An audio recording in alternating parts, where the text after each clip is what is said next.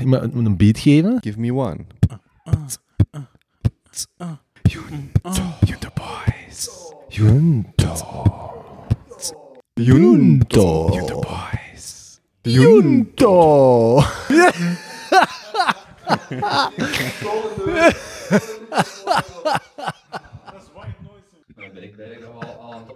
Allee, fuck off. Ik heb gehoord dat de luisteraars die. ehm, ehm, ik heb gehoord dat de luisteraars het laatste stukje van eh, de kerstshow fantastisch vonden. Om ons gewoon in ons normale doen bezig te horen. We zijn aan het opnemen, hè? Welk, wat was het laatste stukje van de kerstshow? Maar wacht, we zijn aan het opnemen vanaf, vanaf deze uitspraak van. Oké, Ja, ja, niet vanaf uw uitspraak. dat is goed. Die hebben enkel een audio, maar niet een video. Ja, dus in ons normale doen. Wanneer waren wij in ons normale doen? Ja, dat- wat was dat? Een 30 seconden waarin, of een, een minuutje waarin dat wij eh, ehm, zuchten naar de spanning van de podcast en eens even rondhoren of dat er iemand zin heeft om naar de pizzeria te gaan. Ik denk dat de mensen dan blij zijn om te horen dat wij toch maar normale mensen zijn in the very end. Om dan naar de Automat, de meest fancy pizzeria van Antwerpen te gaan. Standaard, hè. Ook wel mooi dat wij dus op drie uur audio het compliment kregen dat we voor 30 seconden even oké waren. Ik heb anders wel te horen gekregen van eh, een, een trouwe luisteraar dat, ehm, dat ze het echt beu was op een duur, die kerstspecial, omdat we echt gewoon blijkbaar zat aan het kallen waren. Zat aan het kallen. Ja, kallen. Oh, ik vond dat net leuk dat wij zo die vragen aan het doen waren. Ik ben, ben, ik heb dat niet opnieuw beluisterd. Ah, ik wel. Ik heb meerdere mensen dat opnieuw beluisterd hebben. En jij ook, jij ook opnieuw beluisterd dan? Ik had ook een beetje het gevoel alsof we een beetje eh, naar onze navel waren aan het staren. Tijdens heel dat kerstspecial. Ja, op de duur wel. Ja. ja, ik zeg het. Beter eh, iets te kort als iets te lang. Allee. Maar meningen zullen verschillen. Ja, trouwens misschien eh, voor dat we eraan beginnen, kleine mededeling. Ik voel me eigen zak strand. Ehm, ik ben echt niet goed. Je ziet er beter uit dan normaal. Nee, nee, ik heb echt een serieuze valling. Ehm, ik heb wel een COVID-test gedaan, dus eh, allemaal oké, maar eh, ik zou wel in een badje moeten liggen. Het is fijn dat je liever bij ons bent als eh, in een bad. In een warm Ik bad. heb een te hoog verantwoordelijkheidsgevoel om zo laten belen. Mm, mm. Ja, Terug eh, de normale gang van zaken. Ja, ik zie Benny naar zijn notities grijpen, dus... eh. Jongens, het is de laatste aflevering van het jaar. We hebben wel al vorige aflevering gereflecteerd over dit jaar.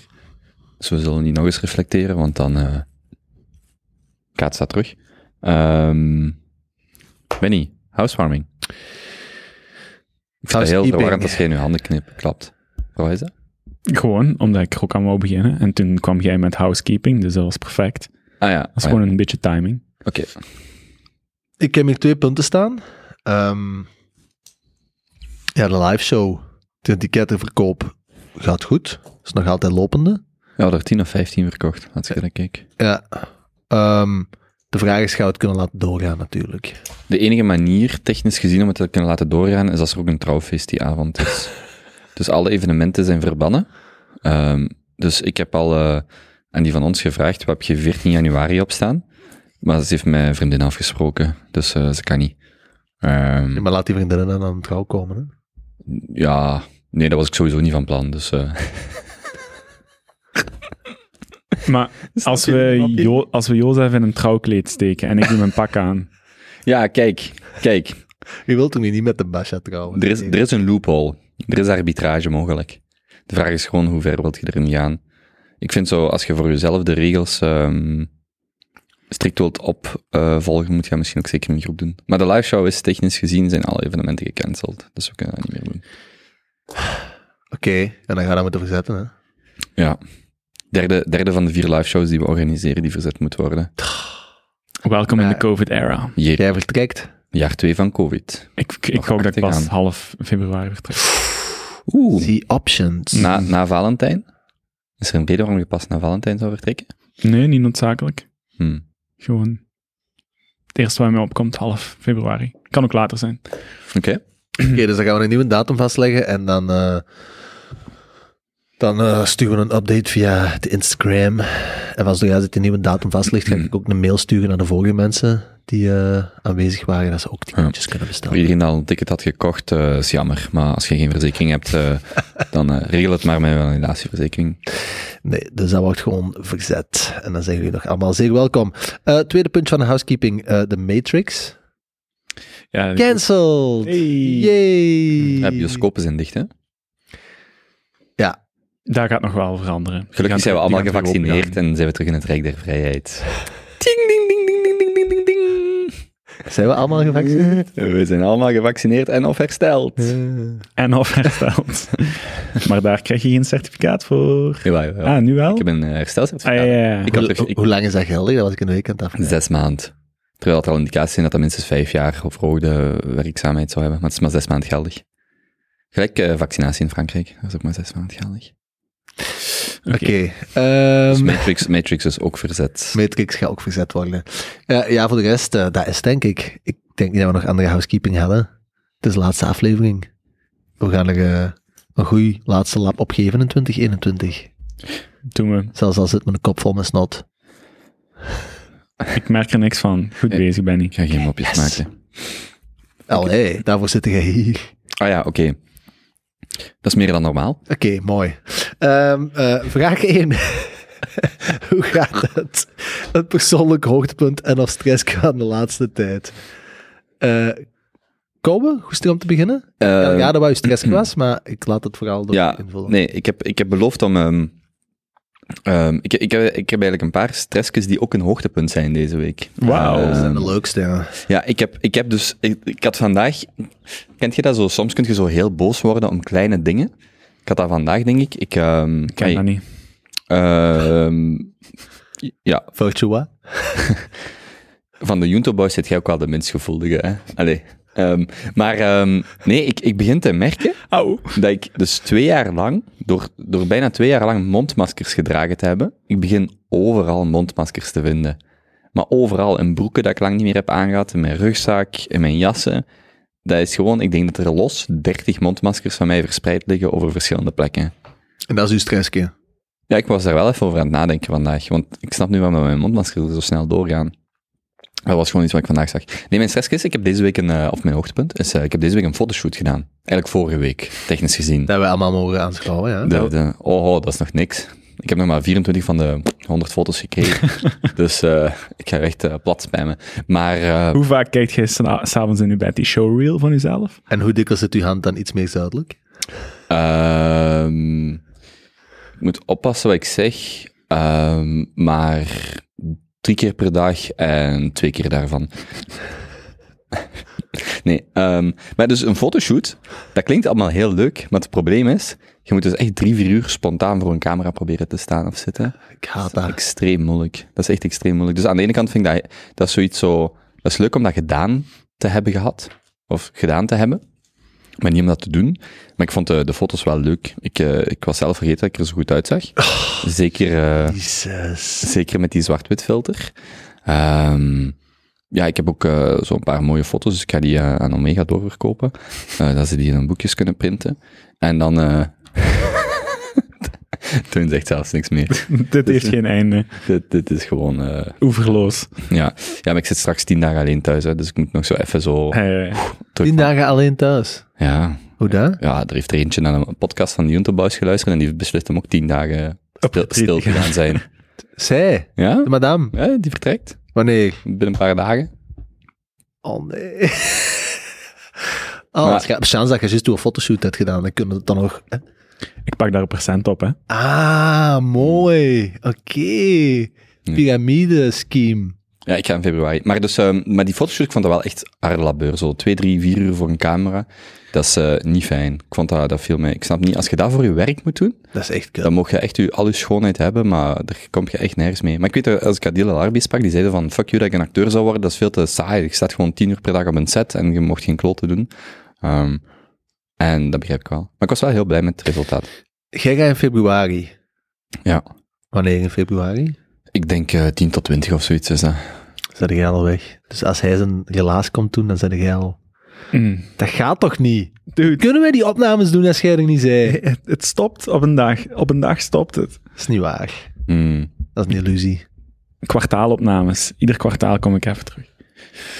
Ja. Kwartaalopnames. En dan heb ik, ehm, ik ga, eh, we hebben dus ook kerst gevierd samen. Dat was ehm, betekenisvol. Maar ik ga focussen op het eh, cadeautje wat ik heb gekregen.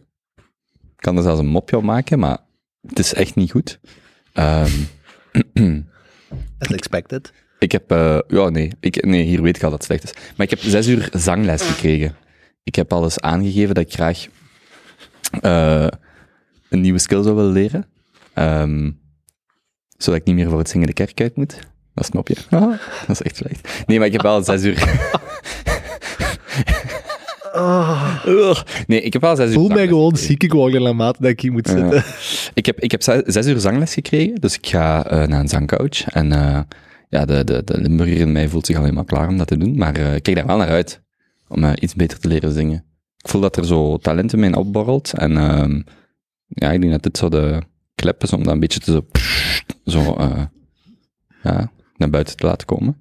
Is dat Toch? one-on-one les? Ja, één op één. Eigenlijk, eigenlijk ehm, er is iemand die mij vertelde, ja, ik doe zo elk jaar een nieuwe challenge. En eh, vorig jaar was dat om te leren zingen. Allee, challenge, ik probeer elk jaar zo'n nieuwe hobby of zo te doen, te leren zingen. En ik dacht, ah, ik wil eigenlijk ook gewoon eens, gewoon eens doen, omkaderd. Ehm, en ik zei, dan kunnen we dat misschien ook eens samen doen. En die zei van, oh ja, dat zou superleuk zijn om dat samen te doen. Dus ik kreeg eerst zes individuele lessen. Zalig. En komt je dan de première geven op de podcast? Eh, als het meevalt, zou ik wel een stukje durven zingen. Er al een nummer waar je mee zou willen beginnen? Ja, die is machine, die is machine, die wijf. Ik zie die bollen door de shopping met haar lek. Uw zuster van Fonzie Fons. maar die heeft ook een ander nummer. Ik maak stijlen met BMW, BMW. Ik maak stijlen met BMW. Who the fuck is Fonzie Fons? Allee, Jan. Dude, dat is Limburg. Nog nooit? Limburg Connection. Jesus, Fonzie Fons, like the Fons. Eh, Ja, ja, ja.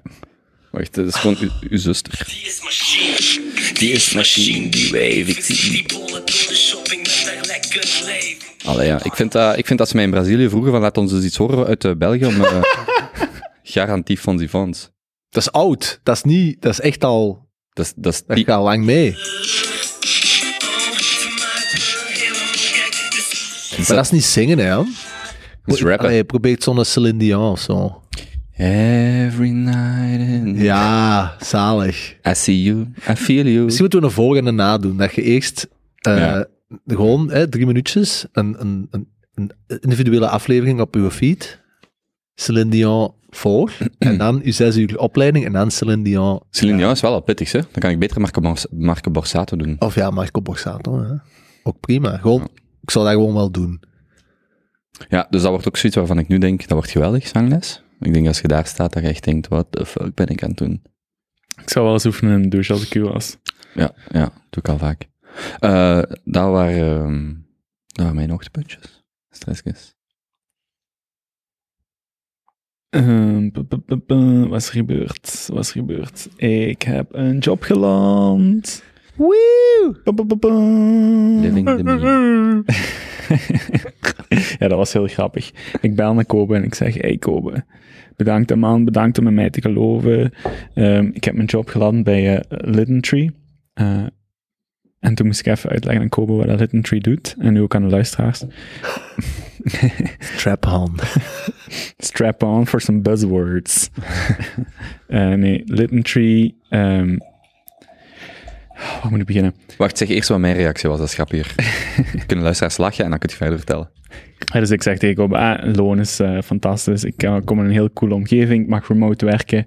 Ehm, en er komen al die perks bij.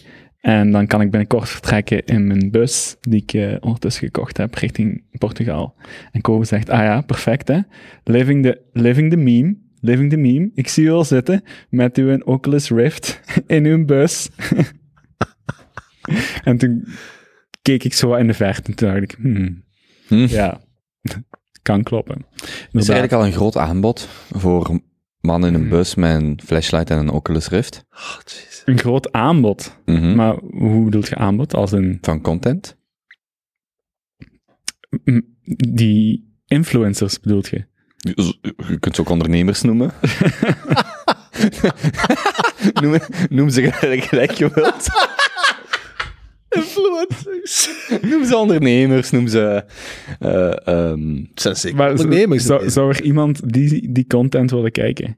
Een dude die eenzaam in zijn bus zit. nee, nee, nee. Nee. Nee, maar nee jij- jongen, content voor u in die bus. Ah, ja, wat is dat? Gewoon Pornhub Oculus, is dat wat je bedoelt? Onder andere. Is dat een ding? Pornhub Oculus.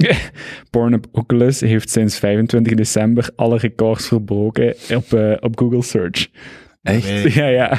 Oculus heeft de, heeft de grootste kerstmis ooit gemaakt. Staat nummer 1 in de App Store. Ja, dat heb ik wel gezien. Maar ook Oculus Ja, ja zoek, zoek maar zo. op. Die, die chart is hilarisch.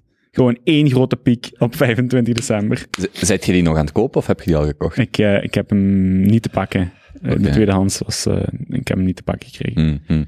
Tweedehands is ook wel een heel grappig woordgebruik voor een Oculus Rift die je om die reden van iemand anders zou Zolang die flashlight maar niet tweedehands is. Maar Alright, mooi. Laatste Hey. aflevering van het jaar. hey, de toon is net gezet. Als je dacht dat dit beter zou worden dan anders, skip dan door naar de volgende aflevering. Oké, Ja. dus dat is het hoogtepuntje. Nee, de joblanden was het hoogtepunt. Ehm, dus Littentree, Berlijns bedrijf. Ehm, waar werken die rond? Eh, er zijn meerdere blockchains dan enkel de Bitcoin-blockchain. Eh, en de toekomst zal bestaan uit meerdere blockchains. Dus Littentree verzamelt eigenlijk identiteitsgegevens van u en uw interacties op verschillende blockchains, om die dan te aggregeren, te anonimiseren en opnieuw te verpakken, zodat jij op een anonieme manier een betrouwbaarheidsscore of een kredietscore kunt aanbieden aan partijen waar jij geld wilt uitlenen. En dat allemaal gedecentraliseerd, pseudoniem, anoniem, Hmm. ehm, in de wondere wereld van decentralized finance. Eh, en daar ga ik, ben ik aangenomen als product manager. Ehm, en ik ben nu niet zeker of ik iets mag vertellen over de.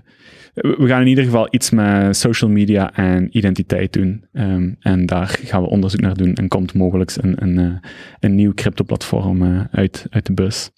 Wat, hoe het exact gaat, gaat worden, of wat exact de, de, de kenmerken zullen zijn, dat moet nog bepaald worden. Maar ehm, heel, heel coole positie.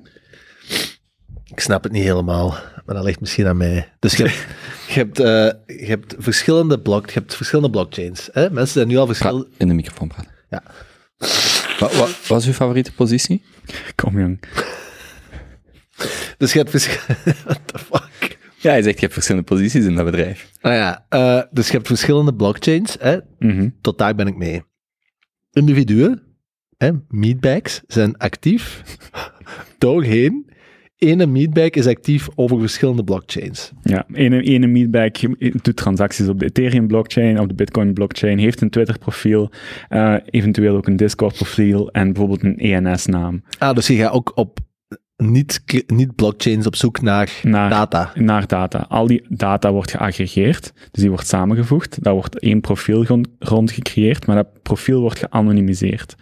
Zodat ook als jij, ehm, ik zeg nu maar iets, in de Filipijnen woont en eigenlijk een gezin van tien man onderhoudt en eh, een ziekte hebt, maar op basis van uw ehm, transacties en gegevens op verschillende blockchains en het internet kunt aantonen dat je een betrouwbare ehm, krediet, eh, betrouwbare handelaar slash consument zijt, dan kunnen we eigenlijk op basis van al die transactiegegevens en al die identiteitsgegevens een anoniem profiel eh, voorleggen dat een betrouwbaarheidsscore krijgt waarmee je opnieuw leningen kunt aangaan ehm, bij andere kredietverstrekkers. Maar crypto kredietverstrekker. Cryptokrediet, ja. Wat is het verschil met een gewone digitale lenings? Ja, anoniem. Ah ja. Je hoeft, je hoeft niet te zeggen wie je bent. Maar zij anonimiseren dat. Zij hebben ook wel toegang tot de originele, niet-anonieme. Ja, en alle data die jij ehm, toestaat. Maar dit is nog vrij kort door de bocht. Ik, ik moet toch nog iets meer research gaan doen om Hij moet er nog beginnen. ja, exacte vragen te gaan beantwoorden. Oké. Cool. Proficiat man. Ja, dank u. Living the dream. Living the meme. Hmm. Ik heb dat dan eens aan onze opa proberen uit te leggen. 93? 96. 96. Wist joh. wat, wist, wist wat bitcoin, co- bitcoins was, hè? Bitcoins. Bitcoins. Ja.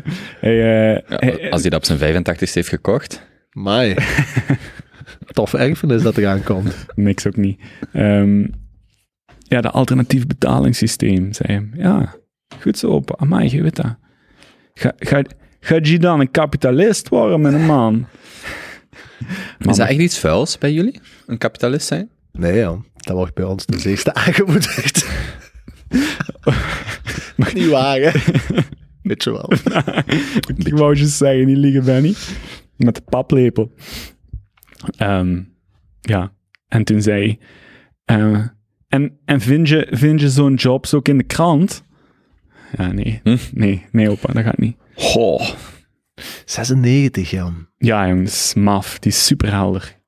Heeft mij verslagen met Wiese. En is de Bama er ook nog? Nee, die is... eh, Ik moet daar een podcast mee opnemen. ja, dat, is, zou een- dat zou cool zijn. Inderdaad. Ik zal het opschrijven.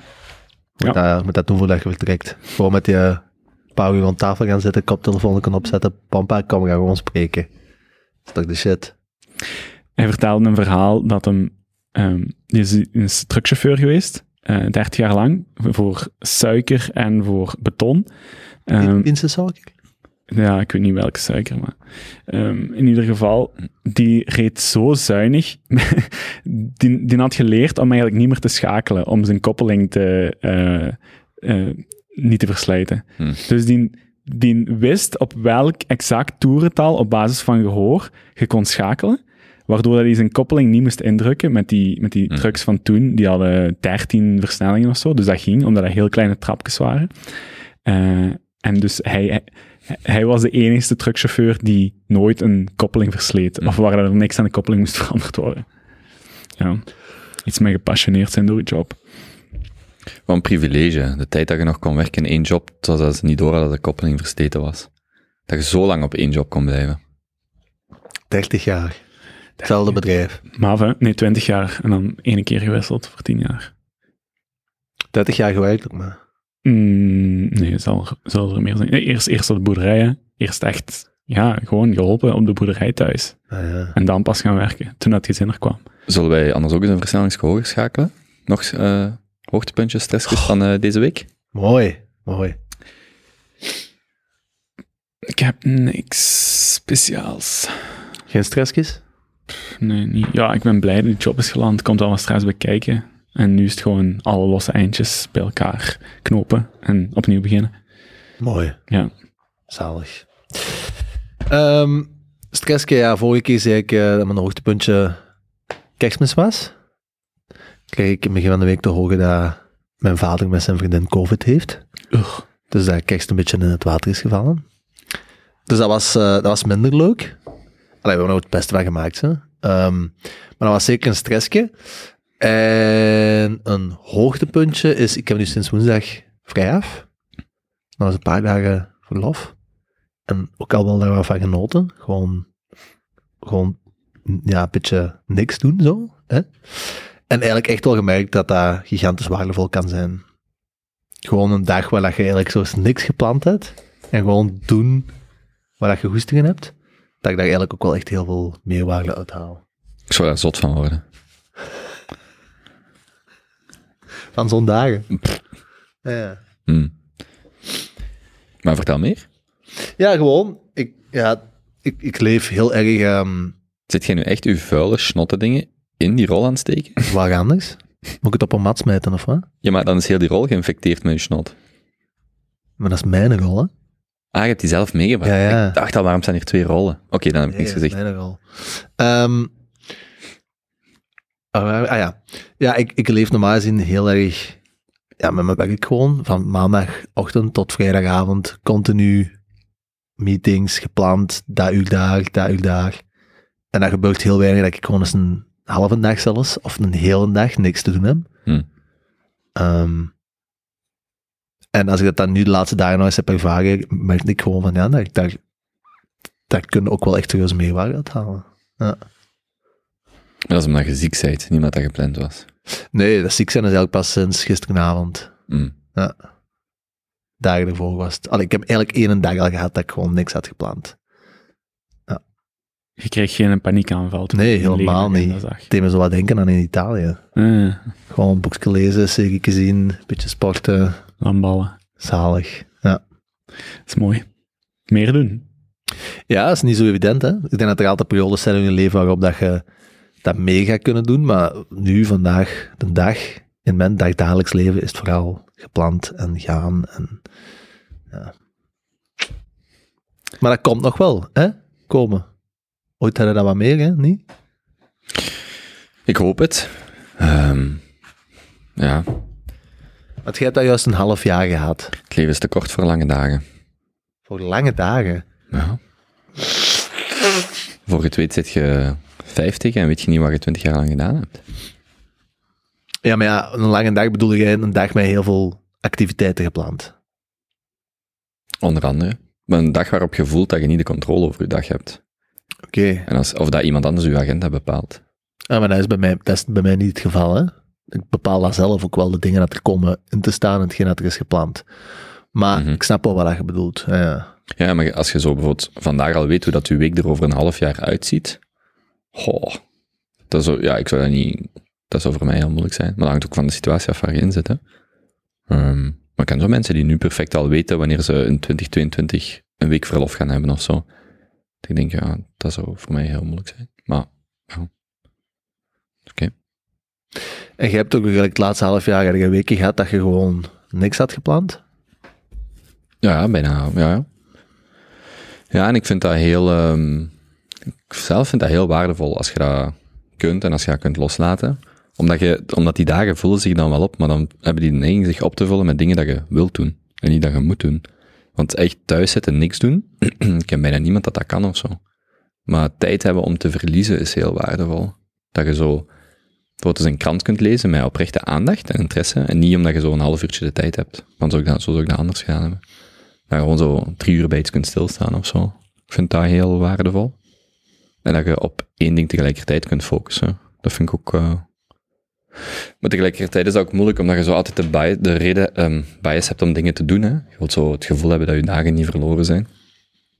Maar ik heb daar, ehm, maar ik heb daar vrij weinig problemen mee tegenwoordig. En jij bent nu terug aan het overschakelen van een hele lege agenda naar terug een meer volle agenda. Ja, want dat was eigenlijk ook mijn stress van de laatste twee weken. Ehm, of gewoon iets eigenlijk nu, hè. Nieuwe, nieuwe studio, nieuwe... Die workflow is volledig nieuw en het is lang geleden. Dus volgens mij wel met Stijn. Ik vond dat niet zo goed. Ah, Ik had daar geen... Maar ik, was heel, ik had heel veel stress op voorhand, omdat er technisch iets niet werkte. Of niet goed werkte. Ehm, maar ik heb onder andere van eh, uw broer gehoord dat het eigenlijk echt een leuke aflevering was. En ook van andere mensen, dus dat was, eh, dat was fijn om dat eh, een berichtje te krijgen. Maar eh dat is zo stressy. Als je dan je workflow moet herontdekken. Bijvoorbeeld, die bestanden zijn 200 gigabyte. Ik moet die bij mijn editor krijgen. Ja, Ja. 200 gigabyte. Ja, dat zijn drie feeds van 50 gigabyte voor drie, vier uur. Voor twee, drie uur aan het beeld. Maar je moet die ook daar krijgen, hè. Dus fysiek daar krijgen. Ja, of, of digitaal. En dan denk ik, ik zet dat op Dropbox, ik laat dat nacht zinken, want ik heb Dro- Dropbox Pro en dan zegt Dropbox ineens, sorry, wij lokken uw account, want dit is buitensporig gedrag. maar als je nu upgrade, kun je wel hassle-free Dropbox gebruiken. Maar dat had ik eigenlijk al. En dan denk ik zo, maar, zo allemaal zo dat soort dingetjes. WeTransfer XL bestaat tegenwoordig ook. Ja, maar dan moet je aan de browser sturen. Ja. Ja, dat is ook niet te doen. Dat is geen optie. Hm. Dus nu ben ik zo, straks gaan we hier heel dat netwerk upgraden en dan hopen dat je er sneller en vlotter aan kunt. Eh, en veiliger. Maar dat zijn allemaal gewoon van die kleine dingen dat je zo je workflow opnieuw... Maar voor die Stijn komt hier binnen. Eerste gast dat ik officieel verwelkom. Ja, ehm, moet ik die water aanbieden? Moet ik die een koffie op het bovenste ver... Moet ik die onderaan de dingen gaan halen? En dat zijn allemaal triviale dingen, hè. Maar ik krijg er super veel stress van. Dan komt hij hier zo zitten. Ik zei, ik ga je water halen. Ik zei, nee, nee, kom. Bedank die even dat hij nou helemaal naar hier komt. Dan gaan we, al- zo, gewoon, en dat geeft gewoon heel stress, omdat je geen workflow hebt. Maar geef dat nog een paar weken en dan zou ik op. Ja, voilà, dat zijn gewoon... Dat is toe terug inkomen, hè. Ja. Als je Ja. fijn niks hebt gedaan, is, lijkt me dat vrij normaal. ja, als je lang ergens niet in hebt, in hebt gezeten, dan kan dat vrij, eh, ja, vrij veel wrijving geven. hè. Ehm, Mooie woordspeling. Oké. Vraag 2. Ehm, heb je recent een noemenswaardig essay, boek of podcast gelezen of gehoord dat je opmerkelijk of geschikt vindt om aan de junto te communiceren in de moraliteit, business, natuurkunde of andere delen van de algemene kennis? Ik zie hier iets staan van Angel. Ja, maar dat is niet algemene kennis wel. Dus ik ga, dat is eigenlijk een schoon verhaal. Dus ik ga dat voor de derde vraag hou- eh, eh, houden. En ehm, ik, eh, ik kan wel kort iets toelichten over eh, Jack Dorsey en zijn eh, Web3 crypto beef. Voor degene die daarin geïnteresseerd Omdat we minder over crypto gingen praten. Hey, fuck it man, ik werk er nu. als, je, als je mij op de podcast wilt, gaat het daarover gaan. Mensen gaan nog blij zijn dat die, die gaan dat halfjaarlijks willen. In plaats van kwartaal. Ehm, ja, voor, voor zij die het weten, eh, onze geliefde eh, Jack Dorsey is opgestapt bij Twitter. Ehm, hij was dubbel CEO van zowel Square. Ik heb, heb gedra- heb de- als jij weer over crypto begint, heb ik wel whisky nodig. Oké. Eh, is dat niet een van uw favoriete thema's? Jawel, jawel. In ieder geval, Jack is eh, opgestapt bij Twitter. Ehm, en ja, de ene, het is al grappig dat Jack zichzelf een beetje ehm, tot de ultieme millennial slash tech bro guru had verheven met zijn eh, baard meermaals op eh retreat te gaan, eh, duidelijk mind, vrij mindful tweets uit te sturen en rond te lopen in, in psychedelische t-shirts. Ehm, dus die, die, die kreeg ook wel een vrij legendarische status. En die is dan ondertussen, heeft hij Twitter verlaten, om dan finaal te kunnen focussen op zijn grote passie, Bitcoin. Niet Ethereum, maar Bitcoin specifiek, omdat Jack gelooft dat ehm, ja, Bitcoin effectief neutraal is en niet door specifieke insiders of early adopters of venture capitalists eh, gecontroleerd wordt. Ehm, en het is, gewoon mooi om te zien hoe dat hem, nu dat hem een weekje bij Twitter weg is, eindelijk eh, Jack the Reply Guy mag spelen. En gewoon Is dat de meme? Jack the Reply Guy? ja, ja, Jack the Reply Guy. Eh, dat, hem, dat hem overal iedereen mag gaan schofferen en aanvallen. Niet aanvallen, maar ieder, Zijn gedacht zeggen. Zijn gedacht zeggen. Ehm, en en eh, heel wat heilige huisjes omverwerpt. En eh, vooral de, de venture capitalists of de durfkapitaalmannen in Silicon Valley ehm, eh, het kijken nageeft of, of een beetje probeert te treiteren. Nu omgekeerd is ook, hè, als je hebt gezien wat David Sachs was aan het tweeten. Nee. Niet gezien? Nee, nee. Ik heb ze erover horen praten, maar ik heb eh niet gezien. Ik kan het niet. Het kwam, er in ieder geval op neer dat David zei van Jack moet je niet terug in uw ashram gaan zitten.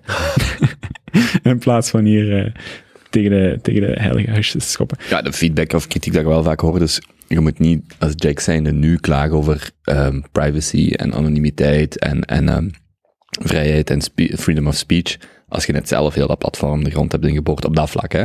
Als je net zelf, eh, ik weet niet hoeveel mensen geblokkeerd hebt of eh, van Twitter hebt gesmeten. Maar is Niet hij persoonlijk, hè. Maar... het is niet zozeer privacy waar je over klaagt, wel? Nee, maar vooral freedom of speech. Ja. Omdat er dingen geblokkeerd worden of mensen worden verbannen van Twitter voor eigenlijk... Ik denk ook dat hem van Twitter weg is, omdat hij juist eh, verweven zat in heel die politiek en investeerders en boardrooms, et cetera. Ehm, maar het komt er dus nu op neer dat je vooral heel kritisch kijkt naar de cryptocultuur en zegt van, jongens, je hebt knal hetzelfde probleem als in Silicon Valley. Ehm eh, durfkapitalisten investeren geld in uw product of in uw idee, uw idee. Die kunnen dat op een snel tempo lanceren, maar in the very end houden zij eh, dus een, een heel belangrijke bron aan aandelen of, of munten hè, in crypto vast. Die, en het probleem in crypto is eigenlijk zelfs groter. Je gaat bijna eh, instant gaat je, komt je publiek met je product. Uw, uw, uw coin offering of uw munt wordt uitgedeeld. De, de, de gewone markt, de traditionele investeerders zoals, zoals wij, krijgen daar toegang tot. Die kunnen die, die coin kopen. Maar uw VC's of uw, uw durfkapitalisten, uw initiële investeerders, kunnen eigenlijk binnen het jaar of binnen het half jaar al direct hun, hun, hun aandelen verkopen aan de markt. Ehm, en hè, dan ze- zeggen ze in crypto, ja, maar we hebben er iets op gevonden. We gaan al die, die coins die de eh, originele eh, investeerders vast hebben, die gaan we lokken. Die gaan we, die gaan we sluiten. Dat die pas binnen een jaar of binnen twee jaar vrij mogen komen. Ehm, en het, het, het, het, het grote probleem is eigenlijk dat de, de, eh, vermenigvuldigingen of de multiples die investeerders eh, te pakken krijgen in crypto, die zijn te belachelijk groot. Dat gaat over, dat gaat over maal 400, maal 500, eh, zulke aantallen. En als je op zulke multiples zit, dan is prijs eigenlijk niet meer van belang. Zelfs al dropt u een coin hè, 95% op het moment dat jij dat begint te verkopen, en je kunt het, het merendeel van je coins maar aan 5% van de originele prijs verkopen, dan heb je nog een multiple van maal 10, maal 5, wat dat nog steeds fantastisch is voor zo'n gasten, want die, die zitten daar niet met klein geld in. Dus heel die machtsverhouding is, is behoorlijk fucked. En daar moet je hem wel gelijk in geven. Ehm, daarbij bijvoorbeeld zo'n Solana en, en andere eh, nieuwere eh, eh, layer 1 blockchains, dat dat, dat dat inderdaad niet goed zit. Ehm, Ik moet wel zeggen, ik, ik vind het amusant om hem bezig te zien. Tuurlijk, hè, dat is altijd zo wat drama tussen die mannen. En tussen die golden quasi. Dat is wel leuk om ze op een afstand te volgen. Mijn perceptie van hem is er wel niet beter door geworden. Want Nee. ik vond hem heel cool, omdat hij zo altijd zo op zijn spirituele heuvel zo wat, nee, alleen zo, ja, ja, doe maar mannen, maak, maak alle beefs, word maar kwaad op elkaar. Ik doe hier gewoon mhm. mijn ding. Ik ben niet reactief. Ik, ik, ik bekijk, analyseer en bouw in de richting dat ik denk dat belangrijk is. Ik vond het een beetje zo... Oh, oh, ten gewoon zijn eigen jaren ingehouden, wat ook al chapeau is, hè, wat ook al wel nodige zelfdiscipline toont. Maar ik vond het wel spijtig dat hem zo, ah, is weg en de week nadien begint hem echt gewoon mee te gaan in heel die... Maar hij, hij heeft wel gelijk op bepaalde, op bepaalde punten. Bijvoorbeeld, eh, wie is? Mark Andreessen en, en AZ, eh, AZ16. Ja, die, 16Z. 16Z, ja. Die, die mannen, die zitten ook gewoon met hun vingers in ieder potje in heel cryptoland. Dat zijn echt de moguls die alles beheren. En, en van zo, zolang dat wij met die eh, locked token sales zitten, hè, dus dat je pas vanaf een bepaald moment je, je munten mocht verkopen, gaat je als, als retail investeerder, dus als gewone man, serieus genaaid worden wanneer dat die, die tokens unlocked worden. En er zijn dan wel opties waarbij dat je lock tokens al mocht verhandelen, zodat die multiple van 400 hè, x aantal keer verdeeld wordt over eh, verschillende investe- investeerders die die onderling al beginnen eh, te verhandelen. En dat, dat zijn opties, maar daar moet heel de industrie nog gewoon naar kijken. Ehm, nu, in ieder geval interessant om te zien dat Jack naar buiten komt en zegt, jongens, je moet niet zo heilig doen. Eh, het is hier van hetzelfde als, als vroeger. Al die VC's. Ben- Het, het spel is niet Ik ben dan veranderd. vooral benieuwd, wat gaat hij nu doen? Hè? Wat is het volgende? Want hij- hij definieert dat nu door zich af te zetten tegen andere dingen, maar ik vraag me af, wat, wat wil hij gaan doen? Hè, wat, gaat hij, wat is het volgende voor hem als hij zegt bitcoin is de toekomst? Wat gaat hem dan bouwen? Ik, ik zit daar vooral naar te kijken. En Ja. wat ik tot nu toe gezien heb, heb ik nog niks wereldschokkends gezien, maar ja, we zullen het wel zien. Hè. Ja, ik sluit me daar wel bij aan, want ik vind dan ook erg als nu- afzetten is gemakkelijk, hè? Wat zeggen Ja. is fout. Maar oké, wat, wat doet jij? Ik heb, is- ik, heb, ik heb de whitepaper gelezen van de Decentralized Exchange dat ze willen bouwen met Square. Ik was helemaal niet onder de indruk als je dat op de Bitcoin blockchain wilt doen. Maar allee, we zullen wel zien, hè?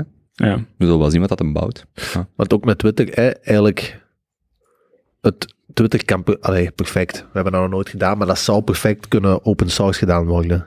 Maar dan haalt hem heel zijn werk onderuit. Hè. Al hetgeen dat hem voor je gebouwd, al hetgeen wat hij mee gedaan, ja, dat is al heel bezig. waarde wordt onderuit gehaald. Blue Sky is nu het eh, gede- gedecentraliseerde alternatief, maar ja. Je gaat echt de microfoon even aan de kant moeten duwen. Oké. Ehm, maar ja, de, de, adoptiecurve en het netwerkeffect van, van eh, de, top social media bedrijven, daar, daar kun je niet tegen opboksen. Hè? Daar, haalt je gewoon nooit meer in. Dus, maar ja, tot zover deze crypto inter, intermezzo. Ik vind het ook altijd leuk als zo de eigen helden zo aan het botsen zijn. Dan zit je zo Jack, die dan zo reageert. Dan zit je Balaji daarop reageren. Dan zit je die daarop reageren. En dan denk je zo weer van... Ah ja, eigenlijk zit je gewoon je denken aan het outsourcen. Want ineens zijn die twee mensen niet meer compatibel. En denk je zo, ah ja, maar wie is er nu gelijk, wie niet? En Ja, dat is, dat is wel een mooi moment dat, je zo'n beetje kant moet kiezen. Ja, ik vind dat ook altijd heel confronterend, want dan denk ik, ah, ja, ik ben gewoon mijn denken en ben ik aan het outsourcen naar die gast, want die heeft altijd gelijk. En dan zo, ah, maar wacht, nu heeft die een andere, nu heeft die ongelijk. Zo, wie, wat was het nu eigenlijk? Ehm, dat vind ik ook wel leuk als, als dat gebeurt. Zo, wat vind je daar nu zelf van? Want een Elon had zijn eigen ook achter de Jackson-kamp geschaard, hè, niet? Ja, Elon is ook heel kritisch naar Web3 en, en het nieuwe internet gebaseerd op blockchains. Ja, is kritisch. Hij vindt het een marketingverhaaltje.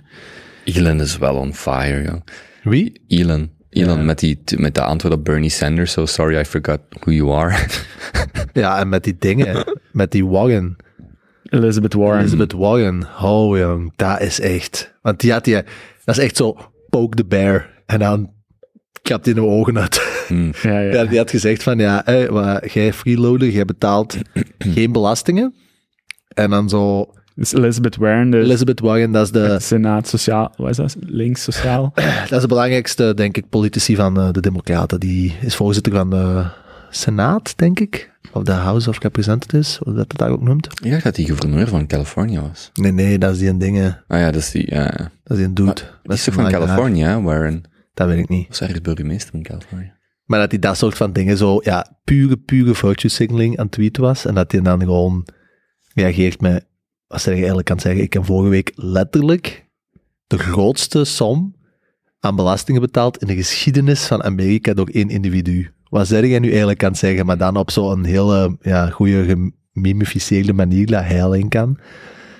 Ja, die wordt gewoon met de grond gelijk gemaakt, hè.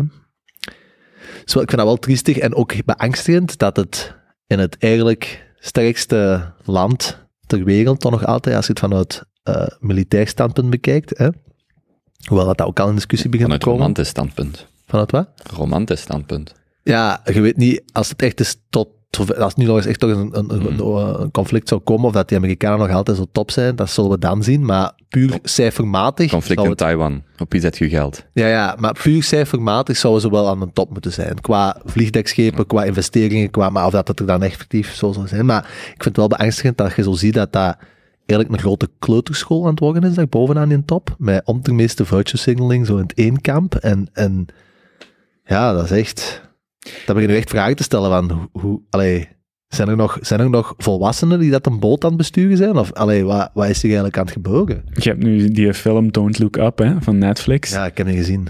dat, is- dat gaat toch puur daarover? Dat is beangstigend, hè? Ja, Want dat is een heel groot synoniem. ik. Wacht, Voor waar, waar gaat hij over? ja leg even uit. Ja, dat is ehm, Leonardo DiCaprio en Jennifer Lawrence spelen astronomers die daar gewoon ja, zat, ehm, eh, hemellichamen aan het analyseren zijn. En in één keer ziet Jennifer Lawrence een komeet die daar rechtstreeks naar de aarde aan het komen is. En ze berekenen dat. En ze zien binnen zes maanden slaagt die in. En dan proberen zij eigenlijk dat duidelijk te maken. Eén aan de politici in Washington en daarna aan het brede publiek. Hmm. Maar het is eigenlijk één grote satire op het huidige politieke landschap in Amerika. En voor mij was het ook gewoon één groot synoniem voor, ehm, of synoniem, ik weet niet, eh, vergelijking bij climate change. Ja, climate change, komen, eh, Ja. COVID. Gewoon de, de incapaciteit van onze overheden, die volledig over de vloer worden gelopen door, door, door eh, corporates en gelobby, om iets klaar te spelen, om effectief te handelen, om eh, de, de koe bij de horens te vatten. Gewoon één grote satire daar rond. Hmm. En ook de, eh, de, de platte commerce en de, de ehm, oppervlakkigheid van de huidige westerse cultuur. Ik vond de film niet wauw, Nee, ik ook niet. Ik heb hem afgezet. maar het verhaal, allee, op het einde was ik zo wel, als ik zo in bed was ik echt zo, ah, een heel raar gevoel van, fucking hell. Er zit echt gewoon, dat zijn een bende kleuters, hè? Hmm. Allee, dat is echt schrijnend wat de kwaliteit is van de mensen die dat daar aan een top staan, als je het vanuit dat perspectief Ja. bekijkt. Hè? En als je daar een mega in je narrative, dat is wel... Wat ik veel aan was aan het denken tijdens die film te zien is... Shit, Netflix is groot geworden, want hoeveel geld kost het om Jonah Hill, Jennifer Lawrence, Leonardo DiCaprio, Meryl Streep, wie zat er nog in? Gewoon, gewoon alle klasbakken in één film Allemaal te krijgen. Timothy, Timothy Chalamet. Ja, ja, ja. Hmm. Allemaal gewoon. Ari- Ariana Grande. Ja, Ik ga de film eens zien, want ik wil eens naar een ander hemellichaam kijken. Jezus. Eh, ja, dat is gewoon de grootste, hè, Netflix. Ik denk dat die 11 miljard gingen spenderen aan content vorig jaar. Het, was, het was deze zondag ook de mars in Belgische context staan van de cultuursector. Daar heb ik dat gevoel heel bij. Zo, waarom, waarom wordt zo één sector eruit gehaald? Waarom? Of geviseerd? En heel of dat nu waar is of niet, maar gewoon zo, echt zo, dan vraag je gewoon, wat zit daarachter? Zo, hoe, hoe kom je tot zo'n beslissing? Waar is de fairheid? Waar is de... ik, ik- ik- ik snap niet dat politiekers... Hoe kun je nu in hemelsnaam beslissen dat iedereen wel op café mag gaan? Hè? Tafeltjes langs elkaar in kleine, warme cafés. Maar in een cinemazaal waar de verluchting is, mag nu plots niemand zitten. Theaterzalen waar iedereen een stoel tussen laat, mag niemand zitten. Als we eigenlijk de live show zouden doen. eh, ja, nu mag geen enkel evenement meer, maar basically een cinemazaal vullen met 100, 200, 300 mensen is veel veiliger dan, eh, dan een kleine ruimte, gelijk in een restaurant zitten. Hè. Eh, zelfs op de Jutsi hebben ze nu ventilatiegangen. En ik weet niet wat de, grem- de drempelwaarde is, zo 1000 ppm of zo. Ik, en vanaf, of 800 en vanaf 1000 zou eigenlijk iedereen de ruimte moeten verlaten. En het is zoiets. En ik geloof dat de, de, de eigenaar zei van, ja, sinds we dat hebben is dat nooit meer boven 700 gegaan. Omdat we gewoon super, en we zitten daar zo met veel mensen te trainen en er is gewoon bijna geen enkele bron van infectie. Je moet al bijna drie uur in een kleine ruimte met iemand zitten om geïnfecteerd te worden. Als je geen, allee, als je ventilatie hebt, is de kans al bijna niet heel. En die moeten allemaal dicht. Gewoon, zomaar. Heel gek. Ja, ik weet dat het niet gemakkelijk is om... Je Jutsi moet ook dicht. Nee, nee, dat mag nog verder gaan. Ja. Maar ze hebben daar gewoon niet zoveel op ingezet. Op verluchting. En, en maar ja, goed. Allee, op ventilatie, moet ik zeggen. Ja, willen we nog even veilig bouwen op die COVID, omdat we het dus juist we aan het opnemen waren, zo'n paar dingetjes aan het zeggen waren? Wat ik wel opmerkelijk vind, ik hoor van meerdere mensen een boosterprik die er echt slecht van zijn. Vooral Moderna. En ik was gisteren, maar ik had het eigenlijk willen voorbereiden, maar het was wel last minute. Dat uit het eh, Verenigd Koninkrijk, dat Moderna boosterprik blijkbaar echt problematisch is. Vooral voor mannen onder 40. En vooral wat myocarditis, hart, eh, Hartspierinfectie. hartspierinfectie aangaat. Maar ik heb het niet meer, ik heb het niet meer gecheckt, maar je begint gewoon zo heel veel... Ja, Ik weet nog van mensen die zeggen van, ja, een paar collega's hebben het gedaan op het werk. Eh, een paar daarvan zijn nu langdurig thuis. Of zijn al een tijdje thuis. Ik hoor dat gewoon van veel mensen. En ik zie zo bij veel mensen zo de twijfel van, nou ja, gaan we een booster halen of niet? Dat, dat vind ik zo wel van op afstand interessant om te volgen. Voor de rest, ja, de regels. Misschien die, eh, dat onderzoek zeker in de show notes zetten. Ja, Dat is het zelf ik heb het gewoon zelf nog niet gecheckt, maar het, was, het zag er wel zo uit van, ehm, Maar het is toch allemaal ook wel complex, hè, want we hebben hier een paar maanden geleden, of een jaar geleden ondertussen, al veel gesproken over ivermectin toen. Hè? Nu zijn er ondertussen 26 studies over geweest en ehm, die van, niet van Square, maar van de andere groot, eh, ook met eh? Skype. Die, een van die Ah, mannen, die, eh, Skype. die, die CEO, hè, die een I, Patrick. Patrick, die tweette een paar weken geleden een, eh, een link naar zo'n echte, echt een data-onderzoeker. Die daar gewoon, ja, ik, ik heb het echt, ik ben aan begonnen, want dat is 20 bladzijden. Ik heb de eerste 10 gelezen en dan ben ik er door de dataset zelf wat doorgescrolld en dan de conclusie. Het kwam op neer, ze hebben nu 26 echt grotere studies gedaan rond ivermectin. En wat bleek dan de conclusie te zijn, dat werkt. Maar dat werkt totaal niet, allee, met de huidige inzicht. Hè? Dus het werkt in de manier dat al die Zuid-Amerikaanse landen, die, die halen er voordeel uit, omdat dat nog altijd een ontwormer is. Hm. Dus mensen krijgen COVID, die hebben misschien wormen of, of parasieten in hun lijf, die krijgen ivermectin, die parasieten worden weggenomen en die immuunsysteem krijgt in één keer meer ruimte om voor COVID te vechten. Mhm. Dus dat was op basis van de studies dat er nu waren, de conclusie. En dan is zo wel, ah ja, uiteraard. Mm. En allee, dat was voor mij zo'n een herinnering van, trek niet te snel conclusies, want wetenschap is gewoon echt fucking Mhm. complex. En Maar dat zou causaliteit, kunnen, hè? allee, Maar dat is, dat is mijn... Ik denk dat dat altijd mijn punt is geweest. Het is niet of iets werkt of niet. Het is dat er over sommige dingen gewoon niet gesproken mag of kan worden. Dat was vaak het probleem. Zo. Ik kon niet over. Die gast dat bij eh, Rogan is geweest, die dokter... ehm Ja, maakt ook niet uit. Emerson, ja, is wat. heb je dat geluisterd? Ja, ja. Maar die zei bijvoorbeeld, er was een procedure waarbij ze in ehm, ehm, verstuivers, een, ja, een soort van, niet white spirit of zo, maar een of ander ding toevoegden. En dan zagen ze zo gigantische verbeteringen in de luchtkwaliteit. En zegt eigenlijk, nee, het ging, nee, sorry. Het ging over een middeltje waarmee je je mond moest spoelen. En het idee was, als jij nu bijvoorbeeld COVID, eh, als jij nu positief, als jij nu besmet bent, maar het duurt een paar dagen voordat jij besmettelijk bent, of besmet de, de, het voelt, in die paar dagen is dat virus gewoon in je neus aan het, eh, aan het ontwikkelen. En zijn punt, als ik het mij goed herinner, is, er is een soort van middel waar je door je neus kunt spoelen, waardoor dat, dat echt zo de infectie met 90% zakt. Als je nu dat vandaag zou doen, zou dat met 90% zakken, want dat is zo'n speciaal middel. En dan is hij dat zo aan het uitleggen en dan denk je, hoe komt dat we daar nog zo nooit van hebben gehoord? En dat vond ik vooral zo, dat vind ik nog steeds zo van, waarom kun, wordt er over sommige dingen zo totaal niet gepraat? En of ivermectin nu werkt of niet, ik weet dat iemand mij stuurde, zo, waarom praat je daar zelfs over? Ik zei, maar ik kan dat zelfs niet krijgen, ik heb dat nooit gehad. Maar ik stoor me aan het feit dat dat zelfs niet besproken kan worden. Of dat dat zo wel wordt weggezet in, en of dat nu over sneltesten gaat, of ventilatie, of whatever. Nu begint iedereen zo te zeggen, ja, gezonder, gezonder leven. Bijvoorbeeld het feit dat je fitnesscentra sluit en dan ziet dat 80% van de mensen die op eh, intensieve belandt gewoon obese of, of overgewicht heeft, dan vraag je toch af waarom sluiten we fitnesscentra? Ja, maar dat is data dat niemand, dat wordt zo nergens gezegd. En dan zo, ja, oké, dan, daar mag niet over gepraat worden. En nu begint iedereen zo, wat- zo, ja, vaccinatie is toch niet de enige methode. En ik denk, dat wist je toch, dat wist je toch eind vorig jaar ook al. Maar ja, Hoe denk je dat dat gaat verder gaan met die cultuursector? Ja, dus die mannen die... Dat is al niet de meest eh, economisch welvarende sector. En ehm, ik denk dat die vaak op, op, op randje van faillissement opereren. Niet allemaal natuurlijk, maar dat is gewoon veel minder eh, gemakkelijk om economisch haalbaar te maken. Of, of rendabel te maken. wij zijn nu de nieuwe cultuur, hè? Ja, we moeten niet meer lachen. Dat, Nee, ik ben doodserieus. in, ja, hier, al die internetboys, eh, eh, dat is ook een stukje nieuwe cultuur. Maar, ehm, het Dus- Ja, het is jammer voor die mensen die in de cultuursector zitten, maar als sector zal dat wel recupereren. Maar ik kan mij wel voorstellen dat heel veel mensen daarin zitten en die gewoon zoiets hebben, wat de fuck zijn jullie eigenlijk mee bezig? Vorig jaar, deze periode, al die horecabazen, die hebben dan nog van die plastieke schermpjes gekocht, sommigen voor tienduizenden euro's, voorraden aangelegd, die schermpjes gekocht. Ineens zeggen ze, ja, sorry, voor eh, kerstperiode alles gesloten. Dat die ook zeiden, maar voor wat doen wij die investeringen nu? Praat nog iemand over die schermpjes? Er zijn mensen die hebben vorig jaar voor 10.000 euro geïnvesteerd in van die stomme kutschermpjes. En nu, niemand praat er zelfs over. Ziet, heb je ze nog ergens zien staan? En dan kan ik me wel voorstellen dat die zeggen, maar waarom zitten wij hier, waarom zitten wij hier te werken? Voor dan, voor die arbitraire maatregelen. En dat denk ik dat veel mensen in de cultuursector ook hebben. Zo, wat, waar zijn we eigenlijk mee bezig? Ja. Ja, plus eh, conservatorium hier in Antwerpen, daar studeert ieder jaar wat, 300 man af. Allemaal kunststudenten, danseressen, muzikanten, alles. Die gaan niet beginnen te zoeken naar een job in, in, in, hun, in hun vak, hè? Wel, die- er is gewoon geen kans, er is geen podium, er is niks aan de gang. Die, die, en horeca is ook mm, één, niet meer aantrekkelijk en twee, niet meer echt beschikbaar of niet meer open. Dus ja, waar belanden die? Ik denk ook zo de groep zo kinderen.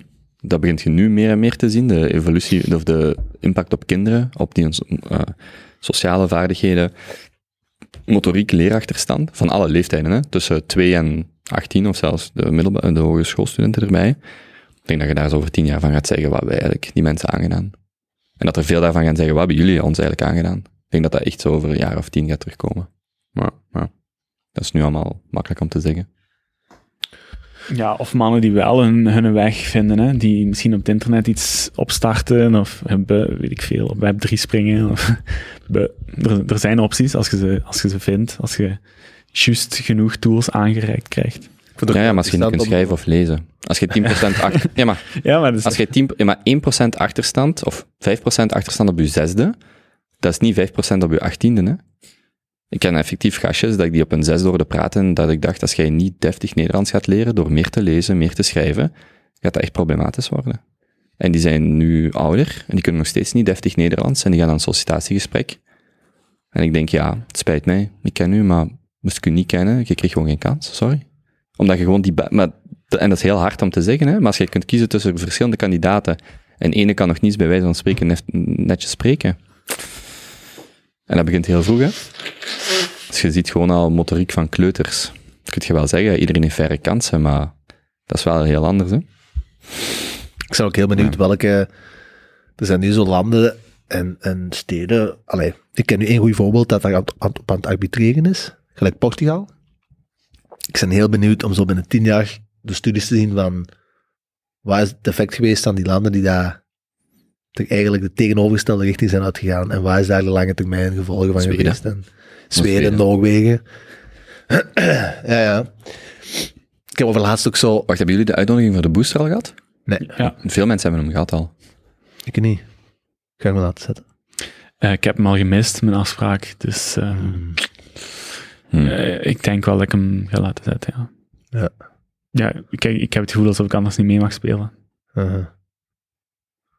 Dus Ja. ja, is dat mijn beslissing, voorlopig. Hm. Om even ehm, volledig in het uh, rabbit hole te gaan van COVID conspiracies. ik heb over laatst een interessante gehoord. Noorwegen, Zweden ehm, en Finland hebben, zijn eigenlijk totaal het andere uiterste uitgegaan van COVID-maatregelen. Die, ehm, Komen is even met een micro aan het, eh, aan goed, aan het, aan het afstellen. Ehm, en die zijn dus veel minder extreem gegaan in de maatregelen. Hè. Die hebben de bevolking veel vrijgelaten, veel meer uitgegaan van gebruik je gezond verstand. Hè. En als het echt, echt dramatisch wordt, dan gaan we natuurlijk wel ingrijpen. En ja, hè, eh, die hebben andere demografische redenen, die wonen op veel meer afstand van elkaar. maar ik vond het wel interessant, want dat was er zo'n eh, een gast en die zei, ja, ja, ja, maar ehm, het, ook het grote verschil is dat die zitten niet mee in de eurozone. Dus die zitten wel in de, hoe noemt dat dan? Dat weet jij misschien komen, de Schengen-zone? De EEG, de de E- Europese Economische Gemeenschap. Ja, maar die hebben hun eigen valuta behouden. En de Schengen. Ja. En de Schengenzone, ja. En eh, hij zei dan, ja, ja, voilà, en dat, dat, is het groot, dat is ook de reden waarom die niet zo extreem zijn moeten gaan. Want wat is er gebeurd? In Amerika zijn ze extreem beginnen doen. Gigantische euro's gaan beginnen, eh, gigantische dollar, dollars gaan beginnen bijprinten. Dus daar begint een, een devaluatie van een dollar. Die Amerikaanse politici, die daar heel nauw contact staan met de Europese politici, ehm, is het met NAVO en zo, hè, die, die zijn gewoon heel hecht met elkaar in, in contact. Die zeggen, ja maar mannen, als wij de printer gaan laten knallen, moeten gelden dat ook wel. Want anders wordt die een euro veel te veel waard tegenover onze dollar. En een dollar is voor ons wel heel belangrijk. Dus zie begot maar dat je maatregelen neemt, waardoor dat je moet gaan beginnen geld bijprinten. Waardoor dat al die Europese landen dan... Ik, En onder- conspiracy, hè? ondertussen, ondertussen houdt China alle, alle eh, schulden van Amerika in zijn ja, portefeuille. ja, ja. Dus die beginnen al die Afrikaanse havens op te kopen, omdat ze weten dat geld toch niks meer waard is. Maar dat is toch super boeiend, want al die Europese landen, ja, in die conspiracy dan moesten mee, van de, vanuit de NAVO en vanuit de US. Zweden en Finland, ze hebben hun eigen valuta gehouden en die zeggen, fuck you, dat gaan wij niet doen. Zweden en Noorwegen. Finland heeft ook euro's. Sorry, ja, Zweden en Noorwegen, ja. Dus dat is voor mij zo'n ene, ah ja, dat is, dat is wel een leuke. Eh, Ja, binnen 100 jaar is COVID echt een, eh, een, dat is, dat is een week les hè, voor, de, voor de middelbare Maar- school. Ik weet dat niet of dat zo... Voor ons is dat nu heel erg, maar denk je echt dat dat zo... Zo die- ja, in- dat gaat sowieso toch de geschiedenis, deze crisis gaat de geschiedenis toch grotendeels bepalen. Het is niet dat dat niet de geschiedenisboeken ingaat, hè, sowieso, maar het is nu zo precies niet impactvol genoeg. Het is niet drastisch genoeg of zo. Want- Maar we, we, we weten nog niet waar we, waar we eindigen. Ja, maar dat is, ja, als dat nu een jaar was en heel intens aan, uit, klaar, dit gaat nog vijf jaar duren, hè. Ja, vijf jaar. Vrij, vrije winters, eh, bevroren win- eh, vrije zomers, bevroren winters. Ik denk maar niet dat dat 22 gedaan is, hè. Dat onrust, dat burgerlijk, want wat je nu ziet, dat begint ook heel hard op te vallen, zo burgerlijke ongehoorzaamheid. Dat is iets wat altijd van, wel van de partij is, maar je begint dat nu heel hard te voelen. Dat mensen zoiets hebben van, maar fuck it, eh, waar, waar zijn wij eigenlijk mee bezig? Ja. En dat gaat alleen escaleren, hè. Zo die, die, die cohesie is weg, hè. Ploeg van 11 miljoen, om 8 uur klappen voor de zorg. Ja, ja, ben benieuwd. En dat is nog niet gedaan, hè. Maar als je dan naar Big Reset en monetaire switch enzovoort eh, gaat kijken, of, of eh, wat is het? Ehm, de dollar is nu de reserve currency. Gaat dat zo blijven de komende 25 jaar? Ja, maar ik, er is wel een verschil tussen zo, wat zijn dingen die mogelijk zijn, Ehm, en dat zijn dingen die mogelijk zijn, maar wat zijn dingen die waarschijnlijk zijn, en dat is wel heel klein zo. Moet je dit soort crisis hebben, zo, want ik heb ze ook gelezen of gehoord, zo van, ja, ja, Bill Gates al eh, 2017 patent aangevraagd, als de, de grootste, de, de volgende pandemie zal een SARS-pandemie zijn, enzovoort enzoverder. Wat die gast bij Rogan vertelde, zo, dat heb ik nog nooit gehoord, ik heb dat ook niet ge- gecheckt, maar ik vond dat wel heel opmerkelijk. Die zegt, ja, van SARS-CoV-1, hè, dus gewoon de, de SARS-variant van begin jaren 2000, er is geen enkele case van iemand die twee keer besmet is geweest. Geen enkele case. Dus als jij één keer besmet bent, dan heb jij voor de rest van je leven een eh, immuunreactie, Mhm. gepast is op een nieuwe besmetting. En dan denk ik, ja, wacht, waarom, waarom is dat nog, ik weet niet of het waar is, maar in de context van die gast kan ik, zou ik 70% zeker zijn dat dat wel klopt. Dan denk ik, ja, hoe komt dat nog nooit iemand dat gezegd heeft? Dat je misschien wel, als je besmet bent, echt wel veel veiliger bent. En dat zijn zo allemaal van die dingen, is dat waarschijnlijk dat er dan zoiets achter zit. Dat is- ik vind dat heel moeilijk om dat in te schatten. Maar ik vraag me dan gewoon af, van, waarom wordt daar niet meer of meer open over gepraat? En dan, en, maar ja, goed, ik wil daar niet te ver in gaan. dat- Je zou echt voor vijf jaar in de toekomst willen kijken. Hè? Amai. Wat is er gebeurd? Naar mijn gevoel wel sowieso. eh, als je daar binnen vijf jaar of binnen tien jaar naar kijkt, denk ik dat zo COVID aan zich een pandemie was. Hè? dat is minimaal. Maar een kleine, Ja, kleine pandemie. En dat de monetaire en de economische en de maatschappelijke reactie er, daarop veel meer tweede en derde graad Mhm. drastische veranderingen heeft teweeggebracht als, als COVID aan zich. Ik denk dat er heel veel onder de waterlijn dat wij gewoon niet zien bij mensen, bij individuele situaties. En als ze bijvoorbeeld een deeltje, of het nu hoge energieprijzen zijn, en of het nu subsidiekaan is en andere dingen die nu gebeuren, waar heel weinig over gepraat wordt. Mensen die tot aan hun lippen zitten. En dan vraag ik mij gewoon af, ja, wanneer gaat dat eruit komen? Wanneer komt dat naar boven? Is dat 24? Is dat te ver? Ik, deze week um, was er een podcast dat iemand vroeg, ik vond het heel goed, uh, die vroeg, is onze huidige generatie politici letterlijk besmet door COVID? Dus dat wil zeggen, in 2024, denk ik, of dat was een interessante denkoefening, gaan er nieuwe politici kunnen opstaan die zeggen, kijk, wij hebben niks te maken gehad met heel dat beleid van de laatste vier jaar, goed of slecht, links, rechts, maakt allemaal niet uit. Wij zijn gewoon een nieuwe generatie. En dus als jij vandaag politicus bent, en dit duurt nog tot 24, tot eigenlijk de nieuwe verkiezingen, ja, je hangt er wel aan, hè. Je, je, je bent volledig verwoven met dat COVID-beleid. Ook al zit je niet de politiek ingegaan om een pandemie te bestrijden. Maar dat is toch een gigantische opportuniteit voor jonge gasten, een 24, die echt met een schone lei kunnen starten en zeggen, wij hebben onze ideeën, maar die zijn niet besmet, letterlijk, door een COVID-beleid van de laatste drie, vier jaar. En ik denk dat voor heel veel mensen, en zo zijn er, dat zijn allemaal van die neveneffecten, dat je je afvraagt, hm, vraag me af hoe dat, dat dan zo over Ja. een paar jaar gaat zijn. Nu, lijkt dat, nu vind ik dat echt interessant. Als jij nu politieke ambities hebt, blijf goed onder de waterlijn, niet te veel bemoeien met heel dat, laat die anderen zich maar allemaal verbranden. Te veel subsidies, te weinig. Laat die zich allemaal verbranden. Zodat Kobe burgemeester van Antwerpen En dan in 24 kom jij ineens, à la Zijmoer, uit het niks. En zeg je ineens, ik ben de oplossing. Ik ben Jezus. Trouwens, Jezus is eh, twee dagen geleden 2021 jaar oud geworden. Dus eh proficiat nog aan Jezus. Maar ehm, ja, ja dat, is- en dat zijn allemaal van die neveneffecten dat je nu niet ziet. En ik denk, ja, interessant. Hmm. Al die onvruchtbare mannen en vrouwen, die... Zalig, Ja. hoor. Ja. Zullen we dan verder gaan naar een nieuw topic? Eh, ja, ik denk dat we... Nee, Benny Hebben gehad. Had jij nog een interessant boek of podcast? Jij? Nee, ik, eh, ik had andere dingen te doen de laatste twee weken. Sorry. Maar nu, Excuus zijn al wel lang aan het gebruiken, maak ik. ja, maar vanaf een paar dagen is tien dagen inkloppen. Dus tegen de volgende aflevering, je gaat niet weten wat je ziet. Ik ga gewoon, ik ga gewoon twee uur praten. Zo goed ga ik voorbereid zijn. Oké, ik ga hier eh, tussen het snottige door een zo verdienstelijk mogelijke poging doen om ehm, een boek uit te leggen waar ik iets voorbij halverwege ben. Wil je er een stukje uit voorlezen? Nee, het boek noemt The Culture Code. Het is geschreven door ehm, Code of cult? The Culture Code. Dus de cultuurcode. Ah, code. Ja. C-O-D-E. C-O-D-E. E. Geschreven door Daniel... Oei. Coyle. Coyle, ja. Daniel Coyle. Heb jij hem ooit ook al gelezen? Nee, maar is dat waar dat je je inspiratie hebt gehaald om de safest work culture mee toe te lichten, vorige podcast? Ik denk het wel. Ja, dat, dat kwam ook daaruit. Ehm ja, dus je haalt dat al aan. Ik heb er een paar heel interessante inzichten uitgehaald, waaronder de, de, hoe belangrijk dat veiligheid is in een organisatie. Ehm, omdat we zijn sowieso geëvolueerd als soort om extreem bewust te zijn van elkaars ehm, positie in de rangschikking en ook waar iedereen denkt van u als individu. Want vroeger, als je... Nou, dat is echt erg. Ehm, Laat dat eens gewoon druppen, nee, ja. totdat dat bij bovenlip komt. Hou, hou gewoon hier, Ja. hou, hou gewoon een Laat vodje laat onder je gewoon druppen en wegvegen als dat irriteert. Oké, dus, ehm, dus we zijn zo geëvolueerd dat we eigenlijk, Niemand Quasi Benny wat altijd- Benny moet doen. dat we eigenlijk quasi altijd bezig zijn met wat dat mensen in onze omgeving van ons denken. Hè? En dat is zeker nog meer het geval op de, op de werkvloer. Ehm, dat onze collega's, maar ook onze, onze oversten, wat dat die eigenlijk van ons denken, dat dat superbelangrijk is. Ehm, eh, of dat we daar heel veel mee bezig zijn. Maar als je dat niet een beetje kunt gaan mitigeren, of een organisatie of dingen gaat kunnen gaan doen, waardoor dat je dat gevoel kunt wegnemen bij mensen, gaan ze ook veel minder snel initiatief nemen, bepaalde acties ondernemen om, om de organisatie en de missie van de organisatie vooruit te laten gaan.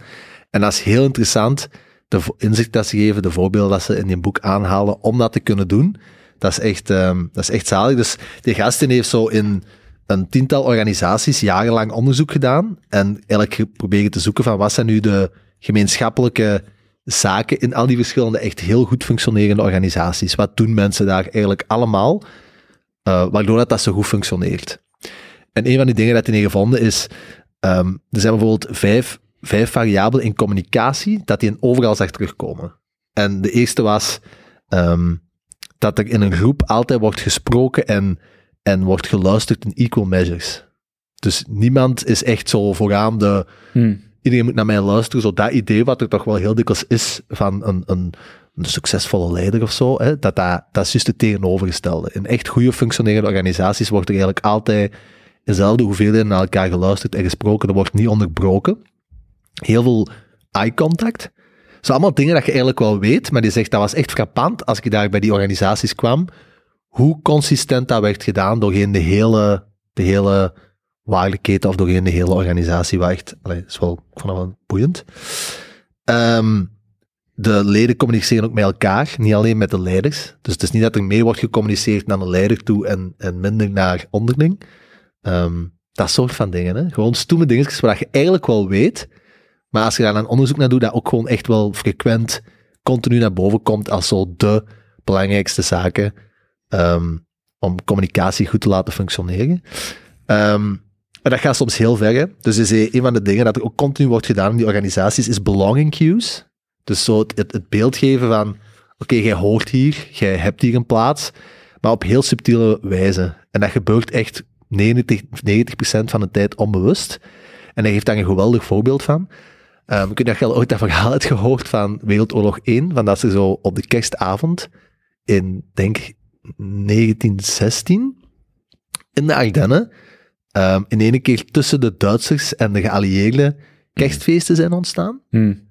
Gewoon echt En- letterlijk Zo'n voetbal, voetbalpartijtje ook toch? voetbalpartijtjes, kerstfeestjes, echt van alles en nog wat. Ehm, en daar, daar gaf hij aan van, dat is eigenlijk het mooiste voorbeeld van belonging cues dat ik heb gevonden. Want hij zegt, waar is het dat, mensen denken dat dat zo'n spontane iets was van in ene keer, oh, we zijn het is hier fucking koud, we willen ons ook gewoon een avond amuseren. Maar hij zei, nee, nee, nee, dat was al maanden aan een stuk bezig. Bijvoorbeeld, dat begon met, ehm, er wordt er een neergeschoten en de, de mensen van een EHBO gaan die in het midden van het veld halen en die mensen van een EHBO worden niet neergeschoten door de Duitsers. Hè? En dan deden die Duitsers, schoten die niet neer en dan in in beurt die gingen die allieerden de Duitsers EHBO's ook niet neerschieten. Dat is zo eentje, waardoor dat je connectie maakt. Een ander was dat er een Duitse sniper om 9 uur stipt zijn laatste shot deed en daarna stopte die ermee, ging hij naar beneden, ging die eten. en die schot niet per se op iemand, hè. die deed gewoon een laatste schot. En ze wisten, ah ja, dat is de Frits, en de Frits is nu klaar. Frits Dus die Zonge. sniper, ja, ja, dus die sniper is er, zijn job zit erop. Eh dus we kunnen weer iets makkelijker ja, gaan kijken of weet ik veel waar, gewoon ons vrij bewegen. Ehm, als er eh, goederen kwamen toegestuurd worden, eh, dat ze die ook niet gingen neerschieten. En hij zei achteraf, als we daar met die mensen gingen spreken, de sociale hij, dat was maandenlang al bezig. Iemand begon een liedje te zingen, twee weken voordat dat kerstfeestje begon. En die Duitsers begonnen in één keer mee te zingen. Zo dat soort van dingen. Al, ja, en, en, en, zei, ja, en dat accu- accumuleert dan tot een soort van, zelfs een, een, een, een relatie, een, een, ja, een verstandhouding met elkaar in loopgraven tijdens de Wereldoorlog op anderhalve kilometer van elkaar. Dat soort van cues, daar zit gewoon Hmm. een goed functionerende organisatie ook mee vol. Ehm, Maar dat, dat voelt ook wel wat cult-like aan, hè? Want ehm, ik herinner mij de jaren bij Mate, eh, dat was een heel hechte ploeg. En, je gaat samen door, door het vuur. Je zult dat absoluut ook kennen met, met bouw. Ehm, je zit gewoon met jonge gasten heel hard aan het werken voor een droom. En dat, dat schept een band, dat wordt uw familie. Maar op een bepaalde manier ook wel ja, wat cultachtig, toch? Je, raakt er zo in verweven, je raakt er zo in, in verstikt soms ook. Afhankelijk van of het gezond blijft of niet. Maar Ja, hij zei dat zo, als ze maar aan die mensen vroegen in al die verschillende organisaties, van omschrijf nu eens de cultuur dat hier hangt in één woord, dat het woord dat het meeste terugkwam was eh, een familie. ja, dat is exact hoe dat ik me het zou beschrijven ook. Ja, Wat denk je dat zijn favoriete cues zijn? Of, of onbewuste cues in, in het bedrijf? Teun? In dit bedrijf, Nee, nee, in eh Baal. Wat zijn zo Benny's en eh, onbewuste cues? Om, om u te, te laten voelen dat je erbij hoort. Mhm. Ja, of dat je er niet bij hoort. ik denk niet dat hem dat veel doet. Het verloop is daar vrij laag. ik weet niet, zo, zo iedere keer als hij u belt, hey, makker, zo daarmee beginnen? Hmm. Zoiets? Ik dat Benny zo eentje zo aan het koffie, koffiemachine. Ah, ik weet niet of zij dat hebben, waarschijnlijk de waterfilter. Dan zo, eh, zeg, hoe was je weekend? Vertel eens. Tijd- Tijdje geleden, hè? Ja, dat is Allee, kerel, alstublieft. Jesus. Vertel eens. Ja, ja, ja. Ja, ja. Ah, die heb ik ook gehad. Nee, nee. Nee, ja. Ik denk dat jij wel zo'n eh, waterfilterman bent. Allee, de koffieman. Maar eh, Benny, la, laat jij je collega's genoeg babbelen op de werkvloer? Eh, dat is een werkpunt geweest, de laatste jaar. maar ik ben daar wel beter en beter in geworden, dat wel, ja. Oké. Wel. Dat is goed. Dat was een, dat was een uitdaging. Ja.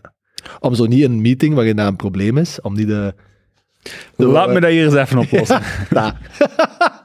ja. Op Benny zijn kaartje stond niet CEO of co-CEO, maar eh, hoofdaandeelhouder. Jesus. Nee. Oké. ehm, ja, en misschien nog één leuke wel, eh, dat ik ook had meegenomen uit een boek, is dat er echt een zware misconceptie is. Ehm, dus dat heel goed functionerende organisaties, dat dat niet noodzakelijk heel eh, happy en luchtige plaatsen zijn. Hmm.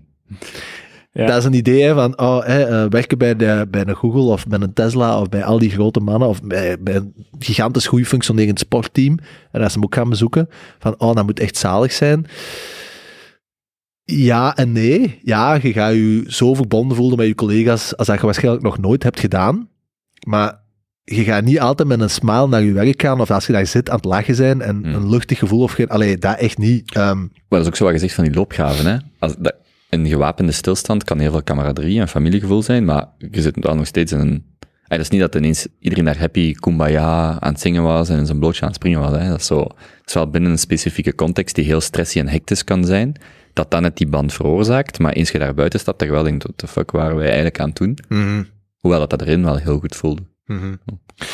Ja, hij zegt dat in de kern zijn echt die, die top functionerende organisaties, in, in de kern zijn dat eigenlijk zijn die minder gefocust op het creëren van geluk, ehm, maar meer op het gezamenlijk oplossen van zeer moeilijke, complexe Hm. uitdagingen. Maar in het gezamenlijk oplossen van heel moeilijke uitdagingen, maar ook gewoon in onze natuur zit, creëer je juist heel veel ja, gemeenschapsgevoel. Hè? Kameraderie, eh, beste relaties worden meestal gevormd in als je samen afziet. Hè? Dat is, allee, er staan ook heel veel voorbeelden van de SEALs en, en de Navy en noem maar op. Daar is een reden waarom de Hell Week de eerste week is van de SEAL-opleiding. hè. Jij ziet gewoon als dat je nog nooit dacht dat je het afgezien. Je komt daaruit en die gast die naast u dat bootje stond naar boven te houden in de zevel zes uur lang. Ja, dat is uw broer, hè? letterlijk. Hè? Ze geven ook voorbeelden van zo... Ja, de SEALs, die hun training is niet veranderd sinds Wereldoorlog 2, omdat een dude, een die net de SEALs heeft gestart, was een gast die na mee is komen vechten, Amerikaan, in Europa in Wereldoorlog 2. En hij zei, die is die training gewoon gebaseerd op wat hij echt heeft meegemaakt in Wereldoorlog 2. Qua brutaliteit, qua, qua, qua afzien enzovoort. En puur door toeval, maar hetgeen wat hem daar heeft geleerd, heeft hij dan omgezet in een trainingsprogramma. En hij is sinds toen, op 70 jaar tijd, met alle inzichten dat er zijn geweest in sociologie, groepsdynamiek, noem maar op, Mm. niet kunnen verbeterd worden. Ze zeggen, ja, wat had hij niet gedaan? Dat is gewoon, dat is het summum van groepsdynamiek begin jaren 50. En die gast kwam uit de, uit de loopgraven van Wereldoorlog 2. Ehm, dus bijvoorbeeld, de trainingen bij de SEALs, dat eruit bestaat om een grote stam van echt 10 meter lang en die weegt paar honderd kilo, om met zes man die er gewoon vier, vijf uur allemaal oefeningen mee te doen. En kilometers mee te lopen. En hij zegt, dat is een continue oefening van shit, die gast voor mij is een beetje aan het falen, ik moet bijgeven, of ik moet minder geven, of ik moet continu elkaar leren aanvoelen. Niet praten, maar voelen. En een dynamiek onder elkaar. En ja, ik vind dat heel gaaf. Ik vind dat heel gaaf.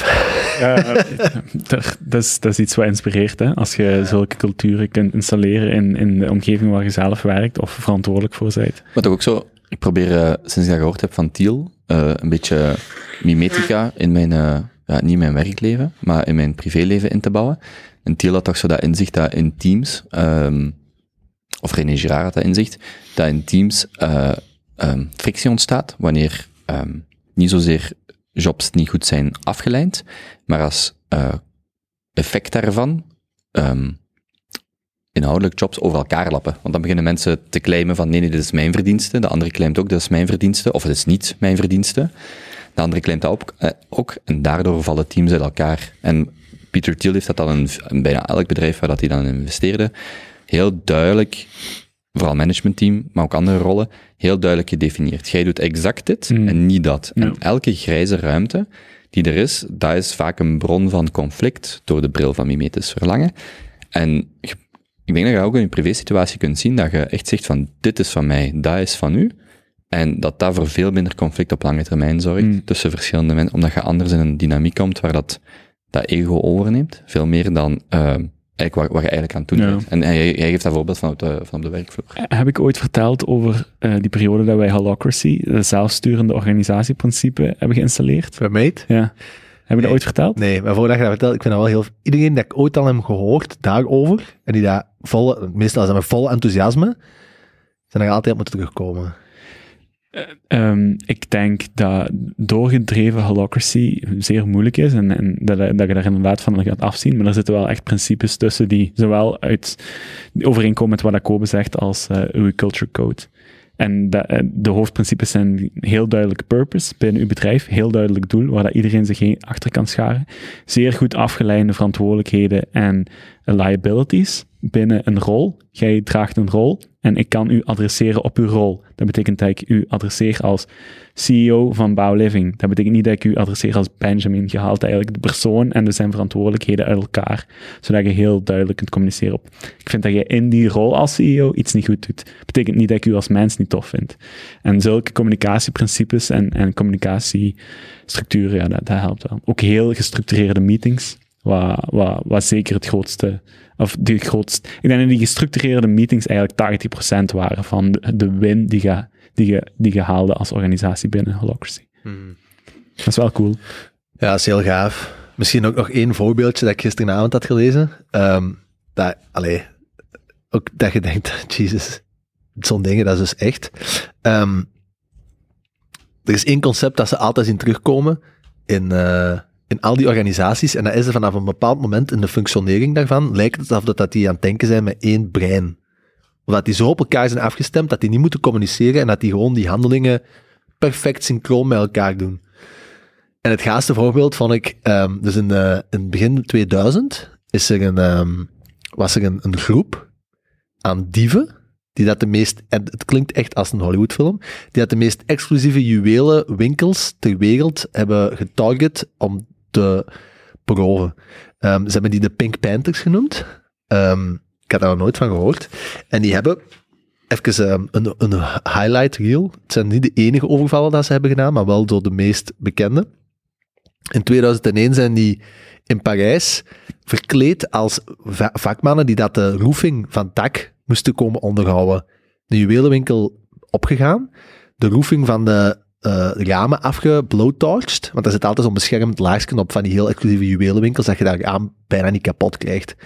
Overdag dat er eigenlijk kan afbranden geweest, omdat ik dan vervolgens eh s'nachts te komen binnentikken en voor 1,5 miljoen aan juwelen te pikken. Dus dat is echt zo. En eh, ja, het gaat door. Dus Tokio, 2005, ehm, een groep aan Panthers, hè, die daar neer hadden verkleed als wealthy customers. Eh, en die dat dan vervolgens met pepperspray vanuit een hoed de security hebben gedisabled om dan met 35 miljoen aan die juwelen te, gaan lopen. Eh, misschien nog eentje, de meest zotste ook. Ehm Four male Panthers in Londen 2007 dressed as middle-aged women, complete with wigs and expensive dresses, robbed a Harry Winston store and left with 105 million of emeralds, rubies and diamonds the size of jelly beans. En die hebben dus zo in heel de begin van de jaren 2000 allemaal van die wakko overvallen gedaan. eh, dat je gewoon denkt, hè, dat is echt gewoon filmshit. En wat bleek dan? Ehm, dat ze die daar waren van alle theorieën over, van waar, waar kwamen die gasten en hoe komt het dat die zo goed kunnen functioneren. Bleek dat dat uiteindelijk allemaal Tsjetsjenen waren die dat ook in een burgeroorlog met elkaar hadden gevochten. En in dat soort van Hmm. extreme omstandigheden zo goed op elkaar hadden moeten leren berusten, ehm, dat, dat, dat die een band hadden gecreëerd en een soort van samenwerking die daar gewoon, ja, op eigenlijk alles kon toegepast worden. Ik denk dat we met de Junto Boys ook eens eh, een, een samenwerkings... eh, nee, een groeps... groeps Eh, Dat is vorige keer vastgelegd, hè, jongens. Dat komt er niet onderuit, hè. Wat? We gaan een triathlon doen, hè. ah, ja, ja, ja. Promoken, hè. Ah ja, maar dat is geen groepsactiviteit. Dat is samen afzien, hè. Dat kreeg Ja. wel een band. Ja, maar je hebt geen gemeenschappelijk doel. Dat is toch individueel? Nee, met z'n allen over de streep geraken. Wauw, dat is mij aanmoedigen en zo. Oké. Ja, wat kunnen we samen doen? Kunnen het niet? Samen afzien. Dat ijsbadje. Ja, je zit er na twee minuten uitgestapt. Twee fuck off, ja, om halverwege. Samen afzien. Ja, ja. Nee, maar eh, wat ik ooit wel een paar keer heb gedaan, zo van die Spartan Ja, dat is ook leuk. Al die obstakels. In groep. Heel plezant. Ik was er over laatst nog voor aan het zien dat dat nog opnieuw ging doorgaan. Ja, zullen we ons eens voor inschrijven? Met luisteraars. Maar dat zou ik vet vinden. Dat je gewoon zegt, we gaan daar eh, aan deelnemen als team uh, Junto. Team Junto. Ja, of Pink Juntos of zoiets. En dan eh, doen we dat gewoon. Mhm. Ja.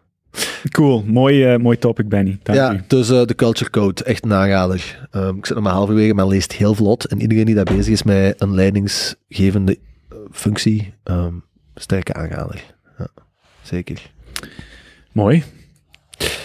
Brengt dat ons bij vraag 3? Eh, vraag drie, denk ik, ja. Welk nieuw verhaal heb je recent horen vertellen dat goed is om aan te brengen in een conversatieteun? Kennen jullie Angèle? Van naam. Echt van naam? Ja, bikken van de muziek, maar Dude, ik ben, Die lekkere puber. ja, ik ben blij voor u. Ik ben effectief blij voor u. Kent jij ze? Eh, alleen van beeld. Ja. Ik bedoel van... Ik, ben, ik ben blij voor jullie. Ik kende Angèle ook niet, buiten Angèle, de zus van Romeo Elvis, een stoere rapper uit het Waalse, of uit het Brusselse. Ehm, ik heb afgelopen week, vlak voor ik ging slapen, ehm, de documentaire van Angèle gekeken. eh, die, Met of zonder geluid? met geluid. Ehm, dus, kind is 25 jaar nu. Haar tweede cd is eh, uit. Ehm wat is? Non on? Non on ja. Fuck, dat is cool. Dat is... Daar mogen we echt trots op zijn. Als, als Belgenlandje. Dat is een wereldster van formaat. Mai. Wow. Dus je, je, je gaat serieus verschieten als je die film kijkt. Komt er eigenlijk op neer ehm, dat zij en haar broer, ehm, Romeo, eh, dochters zijn, dochter en zoon van, hoe noemen ze, Marca en Dominique. Ik ga het helemaal butcheren, maar het komt erop neer dat dat twee Vlaamse, eh, Waalse ehm, BV's zijn. Of eh, nee, wat is dan? B, BW's. En dat die eigenlijk heel, in een heel artistiek en muzikaal eh, gezin zijn opgegroeid. En dat is ook het verhaal waar dat ze u doorheen de documentaire in meenemen. En eh Angèle krijgt dan van, op, van haar mama te horen op haar vijfjarige leeftijd van kijk schatje, je zit een ontzettend schoon kind, maar zorg maar dat je een ander talent ontwikkelt, want daarmee gaat het er niet geraken. En ze nemen u door de hele levenscyclus van Angèle, waar dat zij eigenlijk opgroeit en onder druk van haar vader vrij, vrij goed piano leert spelen. Maar zwaar is aan het zoeken naar wat is haar stem, wat is, wat haar manier binnen dit zeer extraverte, extravagante eh, gezin, waarin, dat, waarin iedereen creatief is en iedereen zijn eigen ding wil doen. Ehm, en, en zo op een duur bij eh, Instagram belandt. En dan op heel humoristische manier liedjes begint te schrijven en, en, en ehm, video's begint op te nemen, waarbij ze vooral de draak steekt met, haar, met haarzelf en haar, haar frivole, humoristische teksten, waarin ze een beetje, ja, gewoon het leven van een tiener, van een, van, van een jonge dame, ehm, in toelicht. En eh, waar dat op een bepaald moment dan eh, haar babysitter ook op zegt van, kijk, als jij ooit groot wordt, dan word ik uw manager. Dat komt dan ook uit, effectief. En dan, en dan breekt ze eigenlijk door via het portaal Instagram. Dat is gelijk Britney Spears. Die haar eh, oppas was ook... eh, anyway. ja. Je komt eigenlijk mee in die maalstroom van, van zij die als, als 20-jarige plots extreem bekend wordt. Ehm, ja, binnen België, Frankrijk, binnen, binnen de Franstalige gewesten. Echt, echt gewoon top, top, top niveau is. Ik denk dat we dat wat niet hebben meegekregen hier in Vlaanderen. En je ziet hoe die gewoon compleet ontploft. Hoe die ambassadrice wordt van Chanel. Hoe die plots op alle grote festivals staat, in alle talkshows wordt uitgenodigd. Hoe zij een beetje door Playboy wordt misbruikt om, om daar toch weer iets, iets een sexy, de, vol, de zoveelste sexy zangeres van, eh, van te maken. En ze daar tegenin gaat, haar, haarzelf een beetje verliest.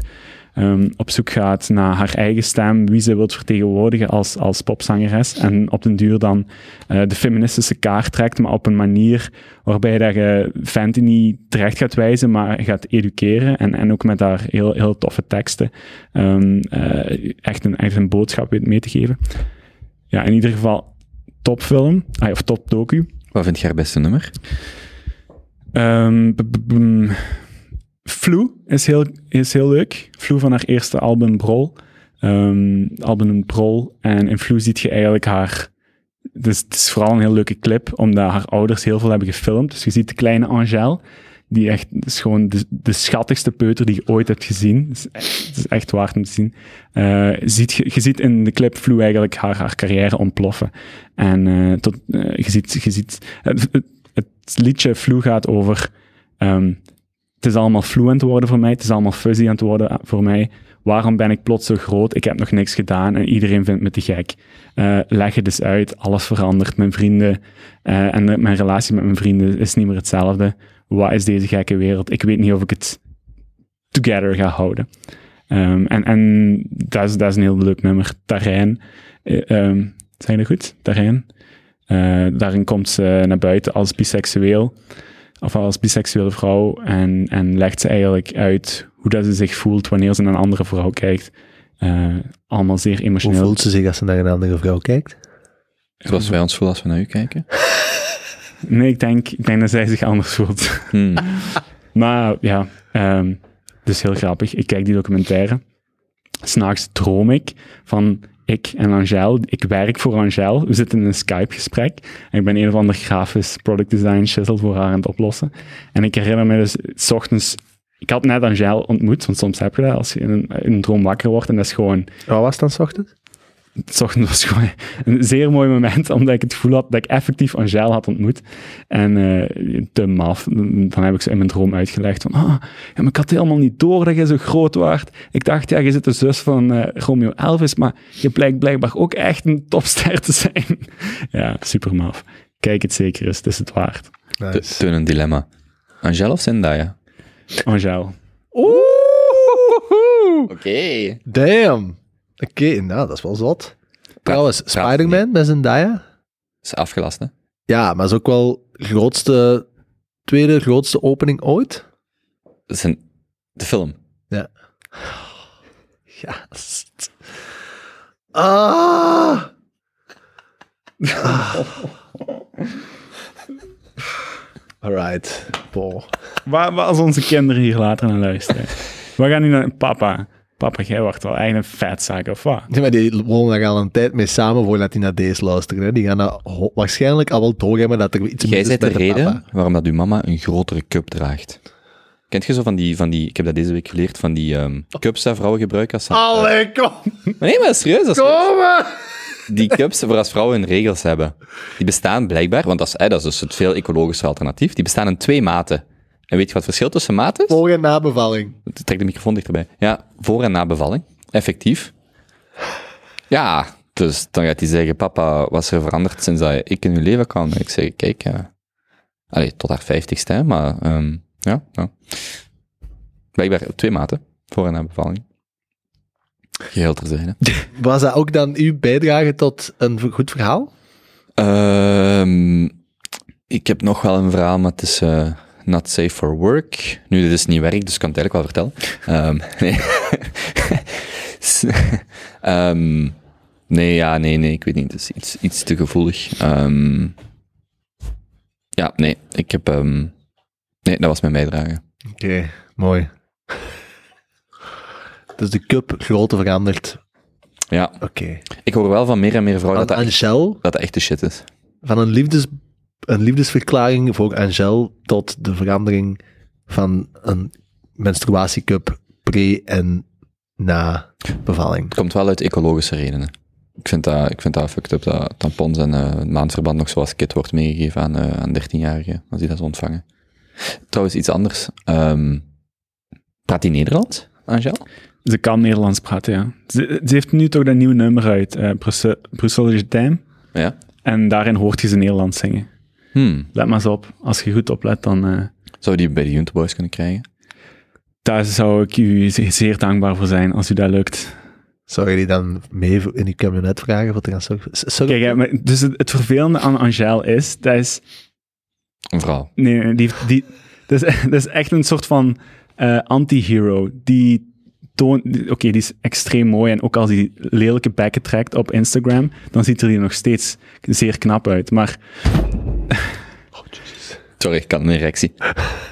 Oh, jongens, jongens. Ik probeer hier over een, op een respectvolle manier te praten over een soort van eh, nieuw rolmodel voor, voor, voor jongere vrouwen.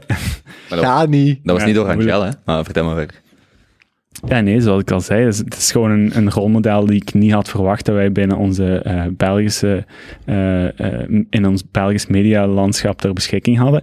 En het is fantastisch hoe die zichzelf weet te profileren op Instagram, onzekerheden toont, ehm inkijk geeft in, in, in thematieken waar daar hoogstwaarschijnlijk zeer veel jongeren en, en mensen die zich niet altijd op hun plek voelen, in, in kunnen herkennen. En, en ja, daar verschool ik van. Doet dingen dat niet. Gloria, hoe heet die weer met haar achternaam? Gutierrez? Gutierrez, die was ook in de slimste mensen. Maar ik volg die zo al een paar jaar.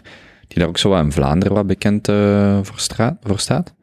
Ehm, wacht, hè, hoe heet die? Hoe heet die? Ik kan. Terwijl Kobe aan het zoeken is. Het is wel frappant dat al die Belgische wereldsterren, allee, alle Stroma en dan zij, Montserrat, Gloria. allemaal uit Wallonië zijn. Hè? Ja, maar ja, de Franse taal, hè. Ja, is- ja, ja. Frans is nog altijd een wereldtaal.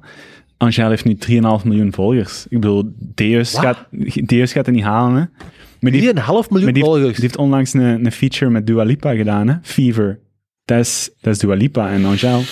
Die is, dat is een van de eerste popsterren die eh, in Cannes op de rode loper mocht lopen in een jurk van, weet ik veel, Gucci, Chanel.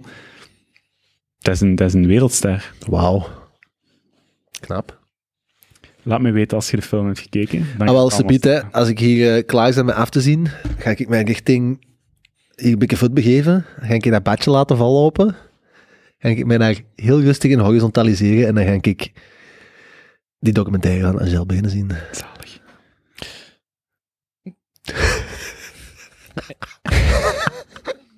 Kobe wou iets zeggen, corrigeert zich en gaat het nu toch zeggen. Ik, ik herinner mij niet... Ja, ik moet dit exact nailen, want anders is het heel slecht.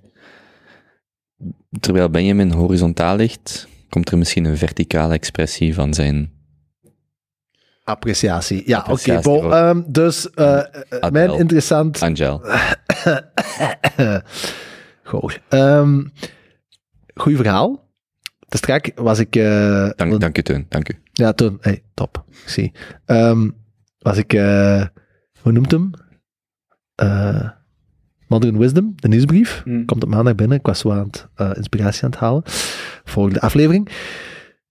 En daar kwam het concept van Goodhart's Law naar boven. Ehm, en dat is dat when you measure, when a measure becomes a goal, it ceases to be a good measure. Dat is Goodhart's Law. Eh, Een beetje abstract. Good heart, dat is letterlijk een goed hart in het Engels. Good heart. Goodhart, ja. Hm. G-O-O-D-H-A-R-T.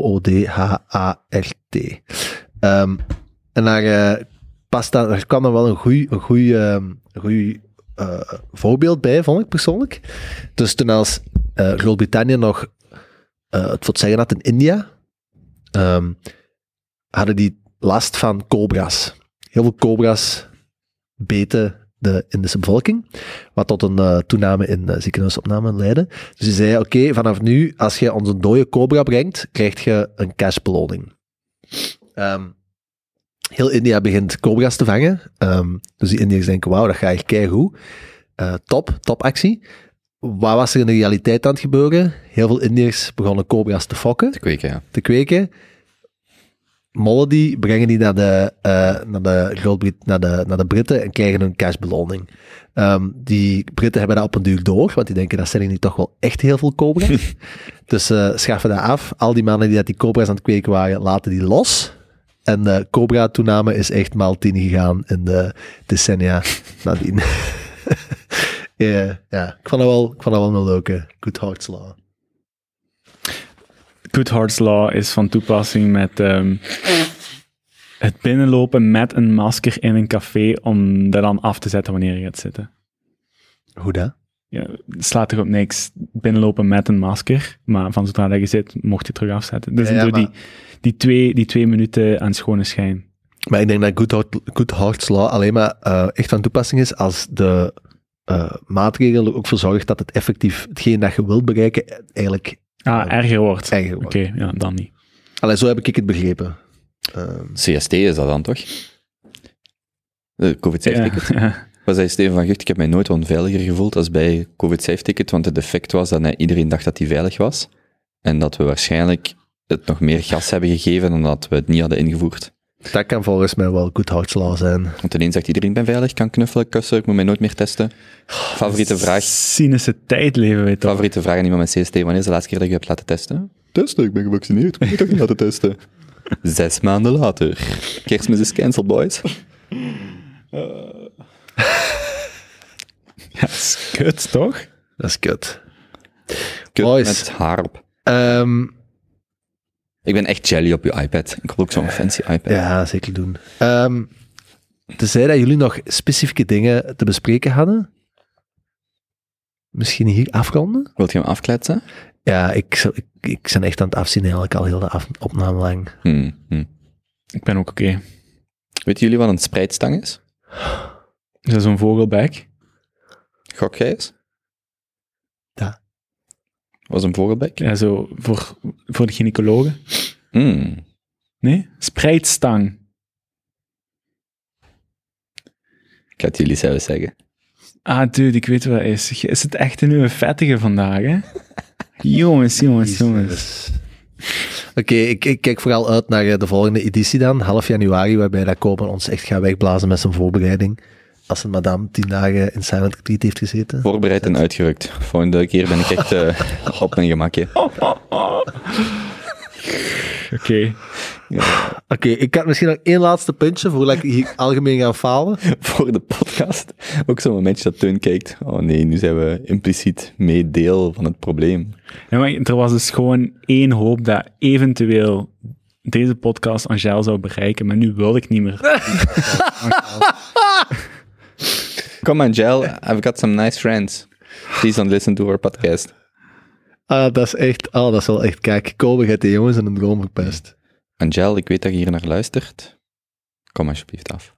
Hij is het waard. Voor Teun. Hij is het echt waard. Hmm. Hoe dat hij u gaat kunnen leren over surfen, de metaverse en web 3.0 in een camionet. Zo is er echt geen enkele, zo is er geen enkele andere. Wakker worden naar, na, na steun is een eh, unieke ervaring. Er is maar één ding. Stop, Er is maar, stop. er is maar één ding. Zet, één zet die ding podcast er is af. maar één ding unieker dan een NFT. En dat is wakker worden langs steun. Ah. Oké, nee, all shits en giggles aside. Ik wou nog één ding eh, even ehm, meedelen voor, eh, voor het algemeen falen. Ehm, we hebben geen goede- goede doel niet meer lopen. Mm. En ehm, ik heb iets wat ik zelf al eh, klein decennia lang doe. Dat is Kiva. Ik weet niet, Heb je ooit al gehoord van Kiva? Microloans. Ik heb het al eens uit, uitgelegd, Ah, ja. maar doe nogmaals. Ja, dus eh, dat is een website waar dat je je geld kunt zetten.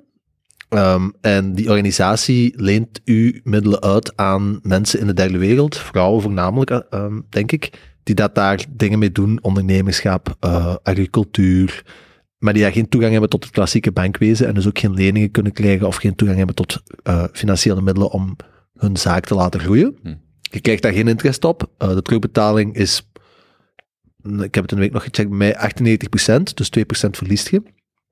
Ehm, gemiddeld gezien.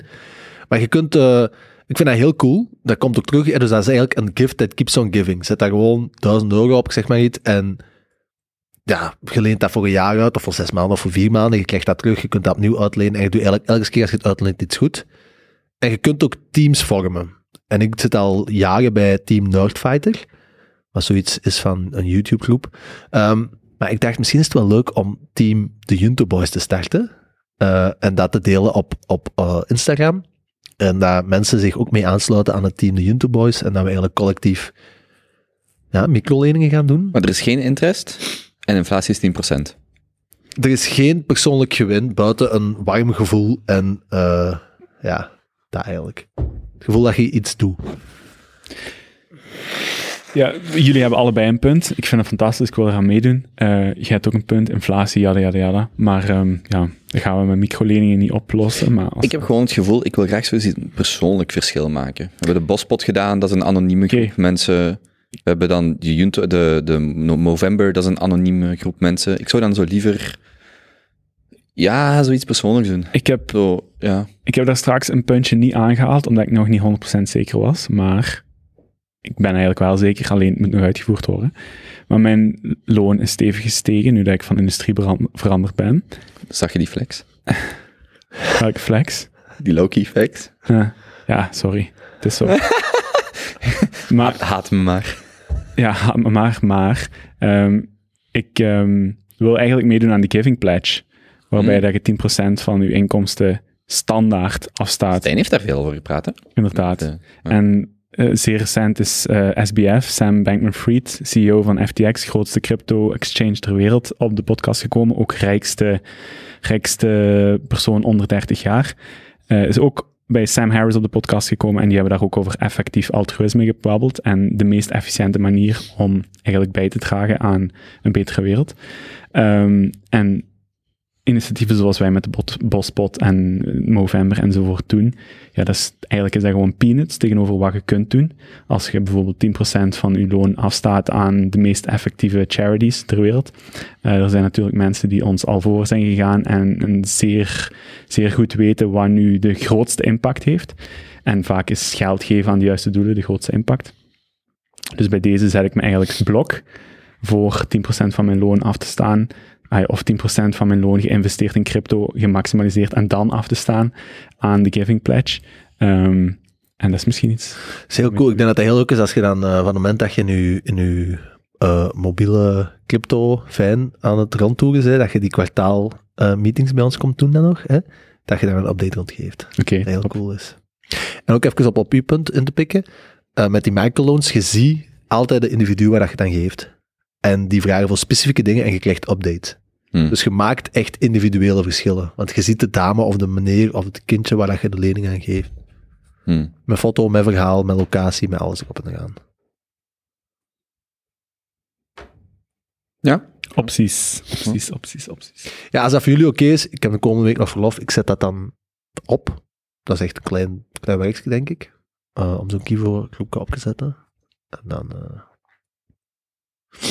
ik let zo hier af, want ik wil godverdomme in mijn bad gaan liggen. Oké. Nog iets aan toe te voegen, Kobe? Ik was over een vettig mopje aan het denken, over Benny zijn neus en nat en slijm, maar Doe het niet. Doe het niet, Kobe. Doe het niet. Dat was hem dan, jongens. De laatste van 2021.